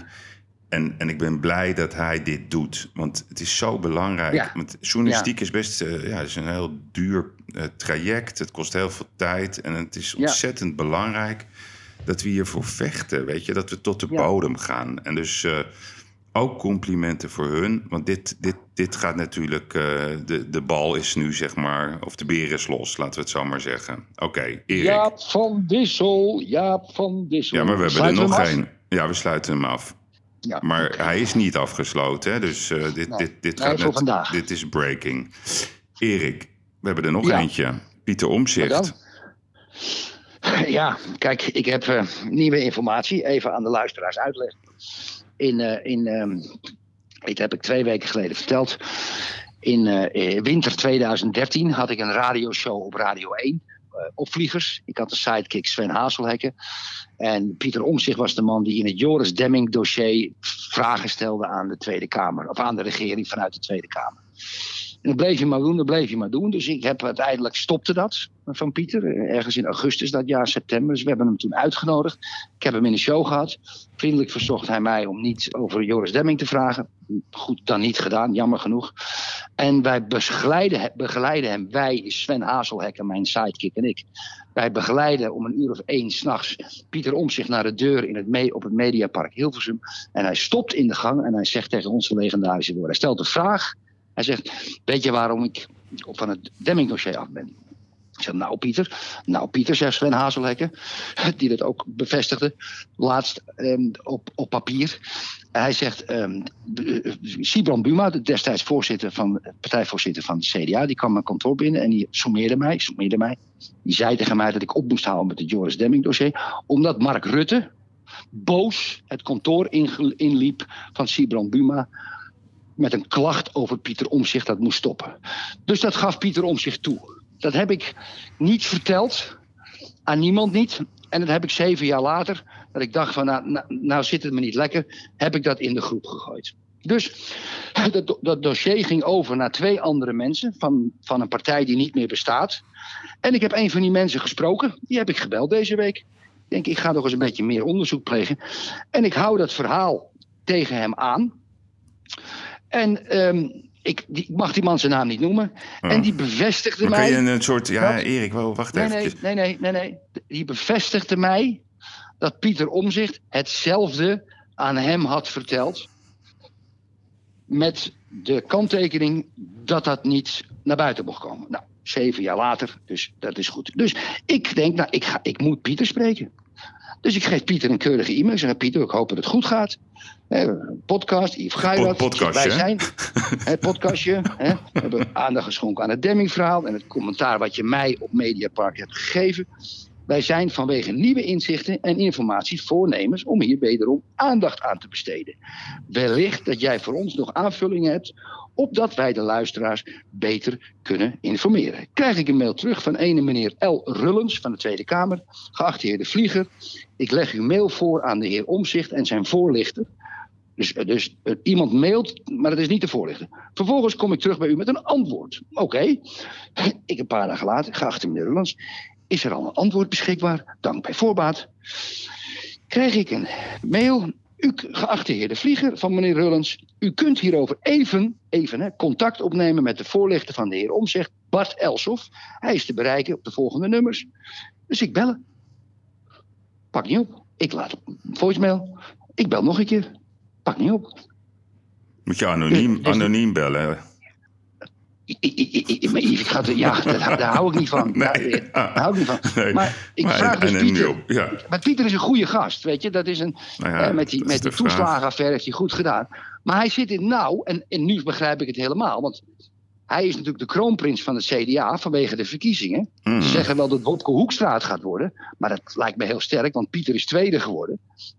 Dus die moet nu eh, voorzitter worden van de CDA-fractie, lijkt mij zomaar, toch? Dat is het plan. En ik denk dat eh onderschat Dark Horse uh, Mona Keizer niet. Maar goed, voor wat het allemaal een dan moet hij horst wel, wezen, joh. maar dan, dan moet hij wel met Rutte gaan samenwerken. Dus als hij dit toegeeft, Ja. ja, dan springt iedereen, springt, want niemand, ja, één iemand heeft de vraag aan Mark Rutte gesteld toen hij op het Binnenhof liep. Dat is een ene, ene journalist, hoe heet hij, weet ik niet precies. En toen liep Rutte snel door. Maar ik heb wederom dus van een bron gehoord, van een man die in de Tweede Kamer zat, dat Pietertje dat ook aan hem verteld heeft dat Rutte boos bij Sibran Buma naar binnen gelopen is. En Sibran Buma naar omzit is gegaan, zegt fuck you met je dossier. Tja, Dus Pieter is gelijk gestopt. Dus daar hangt wat in de lucht. ja.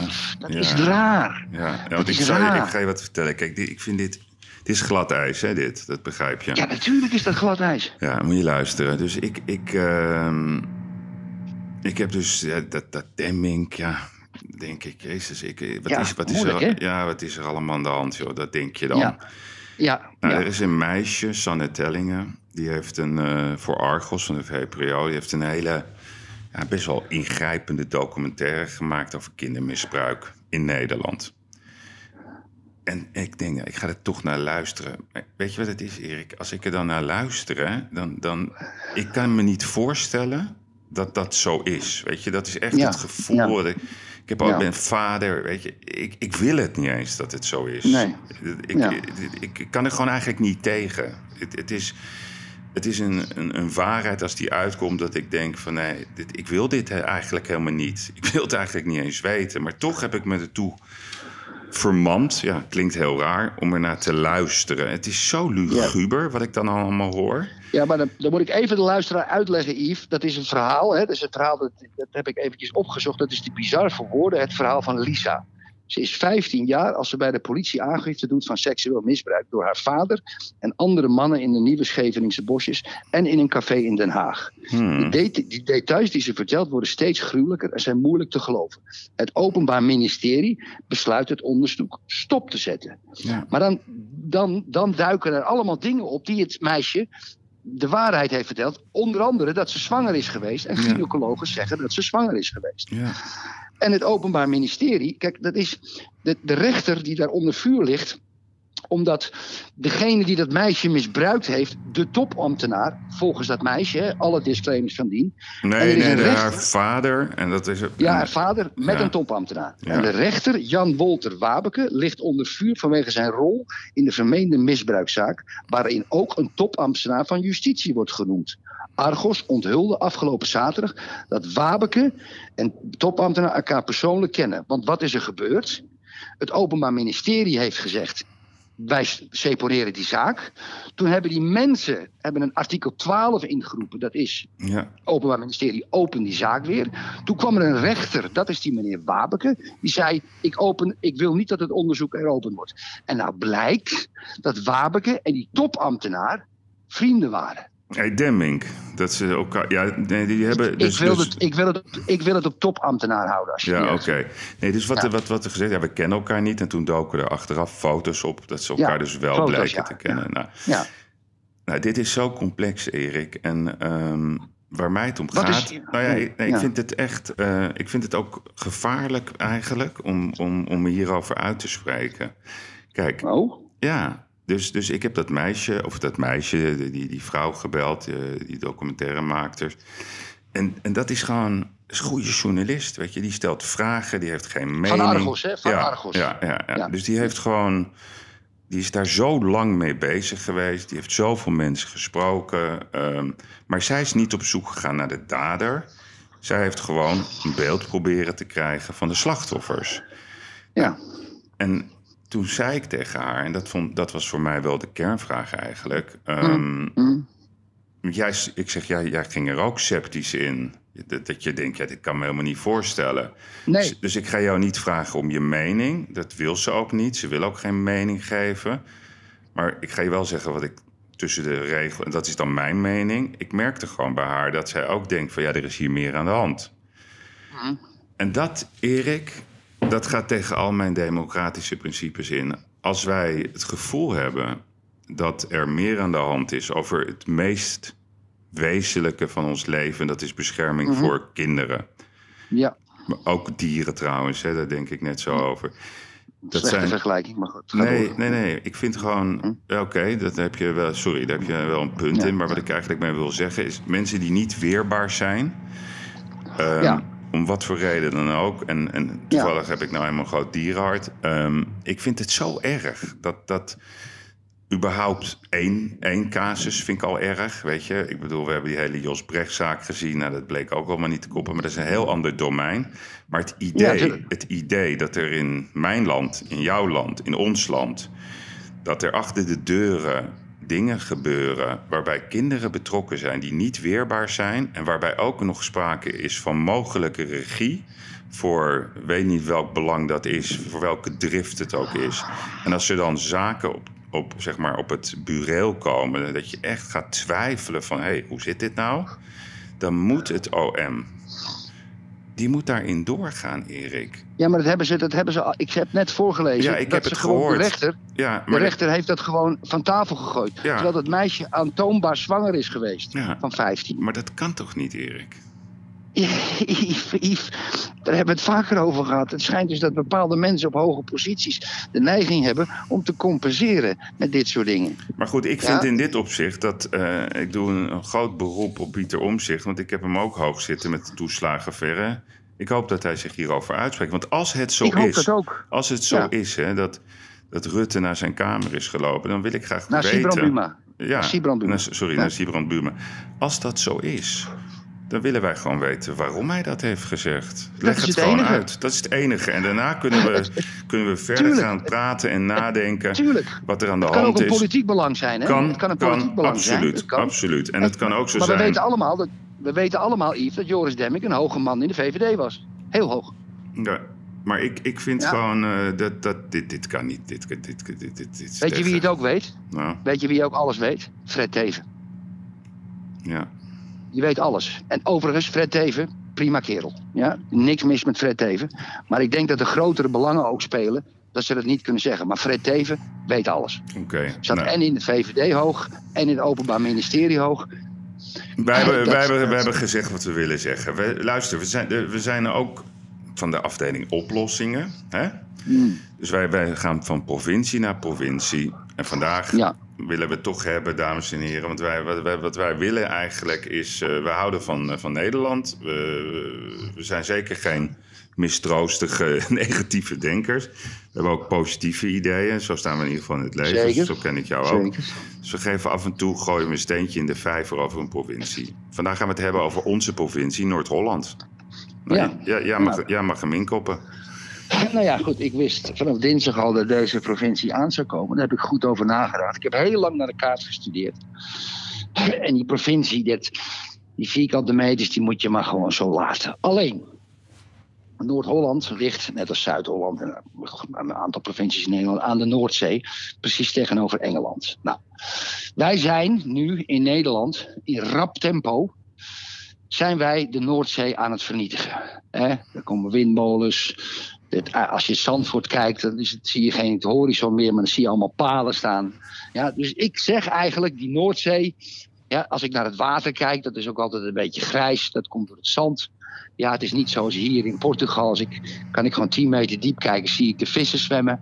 Die Noordzee, daar moeten we vanaf. Ja, daar moeten we net als in de. de- Daar moeten we gewoon vanaf. Daar moeten we mee ophouden. Dan moeten we, net als met het IJsselmeer in de dertiger jaren, ingenieur Lely, die die prachtige de, de, de engineer heeft gemaakt door die dijk te bouwen. Dat deden we met een beetje stoommachines en een beetje, en een beetje eh, dieselmachines, kranen, weet ik veel wat. En een takkentwijgen. Je kan die beelden op YouTube zien. Het is allemaal fantastisch. We moeten een dijk bouwen vanaf Zuid-Zweden naar Noord-Engeland. Ja, dat kunnen we technisch. Weet ik niet, maar het, dat zou een keer moeten kunnen. Dan moeten we een dijk bouwen, of misschien lager. Dan moeten we een dijk bouwen van Calais naar Duinkerken. En dan moeten we die hele Noordzee, die moeten we land, ma- in land veranderen. Dan hebben we voor de, voor, voor de zaken, de helft is van Engeland en de helft is van ons. Ja? Dan krijgen we qua onroerend goed opbrengsten. Gigantische opbrengst. We krijgen ook nog eens een keer dat hele vliegveld Schiphol kunnen we wegdoen. Kan je daar ook allemaal woningen bouwen, zo in die randstad. Kan allemaal prachtige dingen doen in de Noordzee. We vinden op de bodem allemaal fossielen van dinosaurussen. Het is uniek, zoveel Heel vruchtbaar ook. Heel vruchtbaar waarschijnlijk, met al die rivierslip die allemaal uit die rivier is gekomen. Daarvoor echt uniek. Eh, het- je hebt natuurlijk wel een probleem, want je hebt 80, 200 meter diepte. Dus dan moet hele Nou, zware eh, bij, bij dat Doggengebied is maar 50 meter diep, hè? Wist je Ja, dat? maar als je echt zo'n lange dijk over het Ja, Noord-Noordzee ja, oké, wil zo bouwen- 100 meter. Maar we moeten mijn, mijn plan is, en daar gaat ook 50 jaar overheen. Ja. Maar daar moeten we nu over na gaan denken als de technieken er zijn. Wij moeten de Noordzee opgeven. Hebben we niks meer aan. Die haring vangen we maar bij IJsland in de Noordelijke IJszee, bij Noorwegen. Die zijn dan ietsje groter, hè, want de Noordzeeharingen zijn kleiner dan de Noordelijke IJszee-haringen. dat maakt niet uit, die zijn dan iets minder lekker, dat moet ik toegeven. Een mooi kanaal graven naar Rotterdam, hè, heel breed. Prachtig dat we daarin, of hè, zo'n soort aquaduct, dat al die boten daar kunnen varen en onze handel door kunnen laten gaan. Maar het is over. Hmm. Over. Gewoon over. En het strand mag blijven aan Zandvoort en dingen. Want je maakt gewoon een soort meertje van 200 net als het Veluwemeer, weet je wel. Dat kan je ook lekker Ja. zeilen en doen. Nee, maar ik zou je Het is- vertellen, het is helemaal geen raar. Kijk, mensen denken nu misschien dat, dat, je helemaal knettergek bent of zo. Maar ik zou je even... Tuurlijk ben ik net te gek. Dat- Ja, maar, maar ik- beginnen, alle ideeën beginnen bij gekte. Ja, exact. Heel goed. Want ik zou je vertellen, ik heb toen, ehm, was het echt wel grappig was dat. Ik was toen in Dubai. Die, die, die, die gingen allemaal van die eilanden bouwen. Hè? En dat werd Ja. gedaan met die Nederlandse baggeraar van Oort. Ja. Dus Ja. ik, ik ging op zo'n boot. Ik zei, nou, ik wil dat wel eens zien. Dus ik op zo'n bootje. Nou, dat was toen in het begin. En er werden allemaal van die dure villa's. En op een gegeven moment gleed er zo'n villa. Die gleed zo de zee in. Want ze hadden dat nog niet helemaal op orde. maar nu, als je kijkt nu, nu hebben ze een beetje geleerd.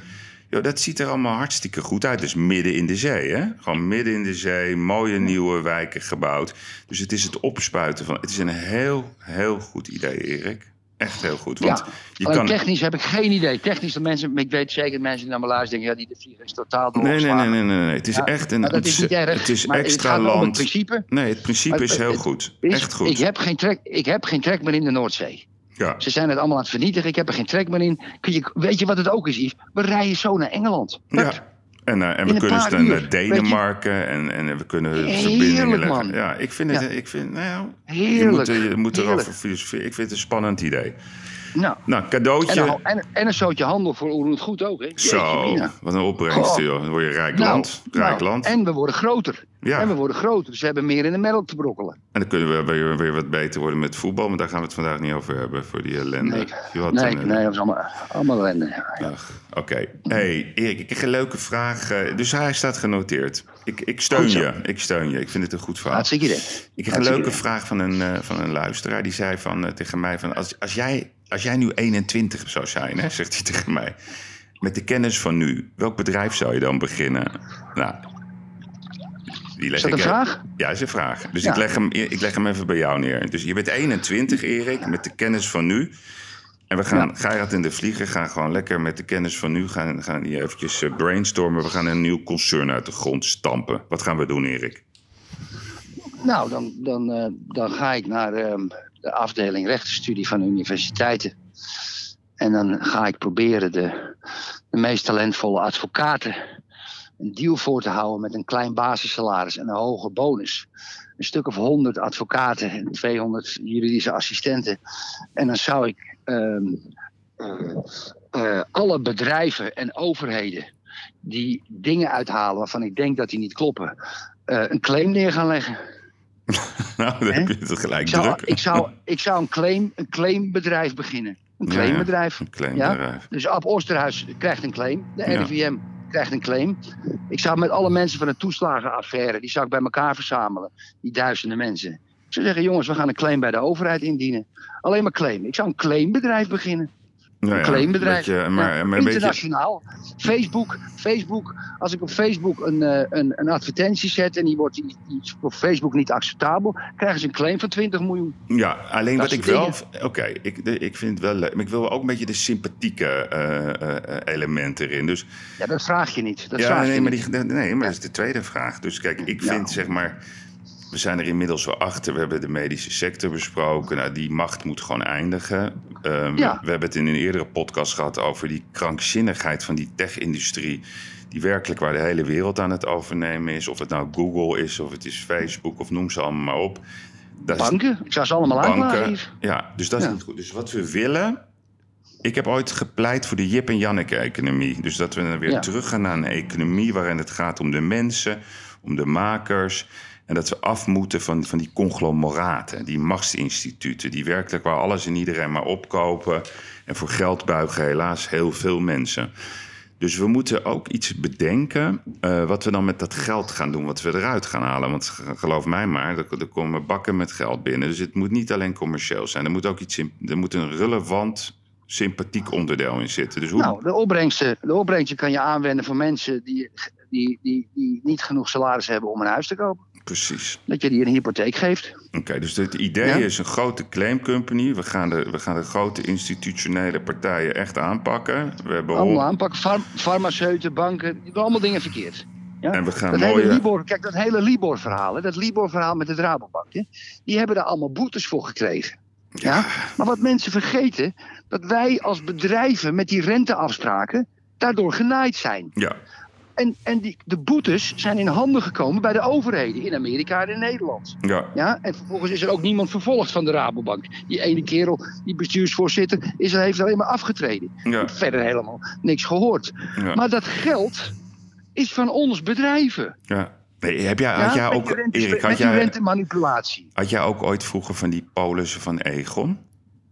Nee, dat deed ik allemaal niet aan mee. Nee, nee, ik, zei, ik, was eh, ook, ik was ook weer zo'n sukkel die, die zo'n polis had gekocht. En liet ik Ja, me, de- de- ja, ja, ik liet me erin lullen.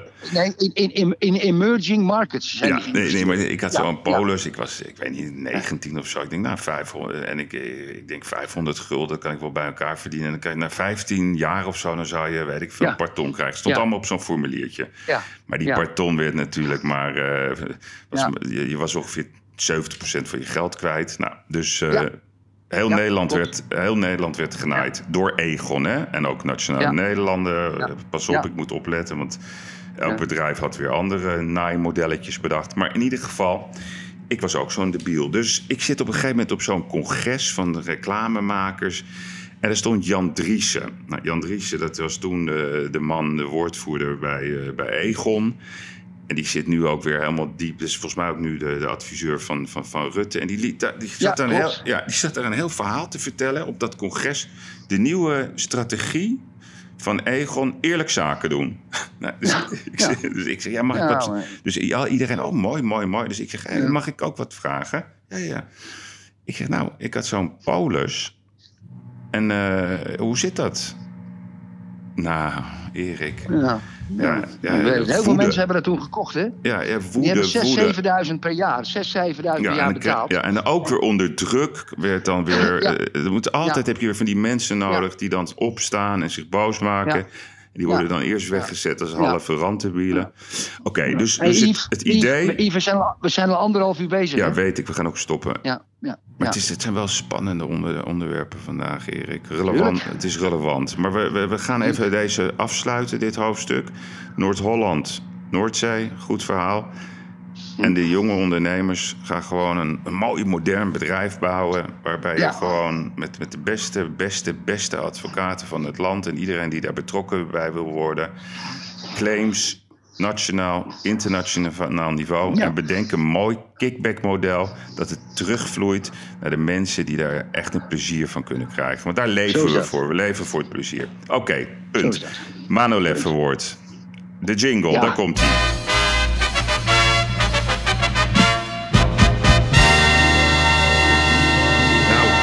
Lijkt me niet zo moeilijk, Ja. hè? Dat is een makkelijke, ja. Vertel maar. Ja, kijk, er is natuurlijk een twijfel tussen de op één redactie of Jort Kelder. Nee, ik heb geen En, twijfel. en- Nee, ik, ik, ja, ik, ik, ik, ik- jij zou op één redactie Ja, zeggen, maar klopt. Ik, kijk, ik vind, ja, maar ik vind van niet. Kijk, Ik wel. ik, mag Jort enorm. En, ik, maar ik vind dat, dat hij de jaarcijfers van Ab Osterhuis van jou gekregen heeft en daarin kon zien en lacherig zei. eh, we hebben klachten van mensen gehad die vonden dat u hier te veel zat. Vind ik, dat, dat vind ik de Manolef der Manolef bijna. Ja, En Jo- Jort moet zich schamen. En die moet het ook rechtzetten. Ja.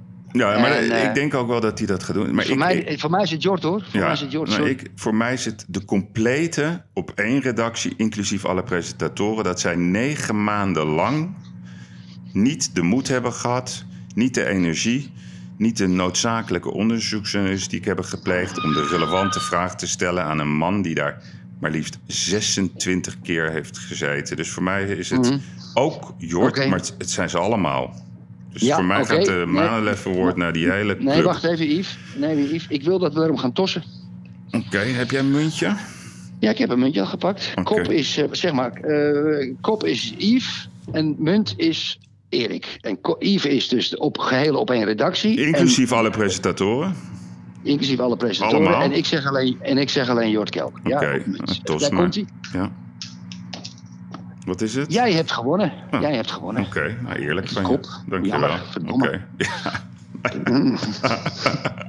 Oké.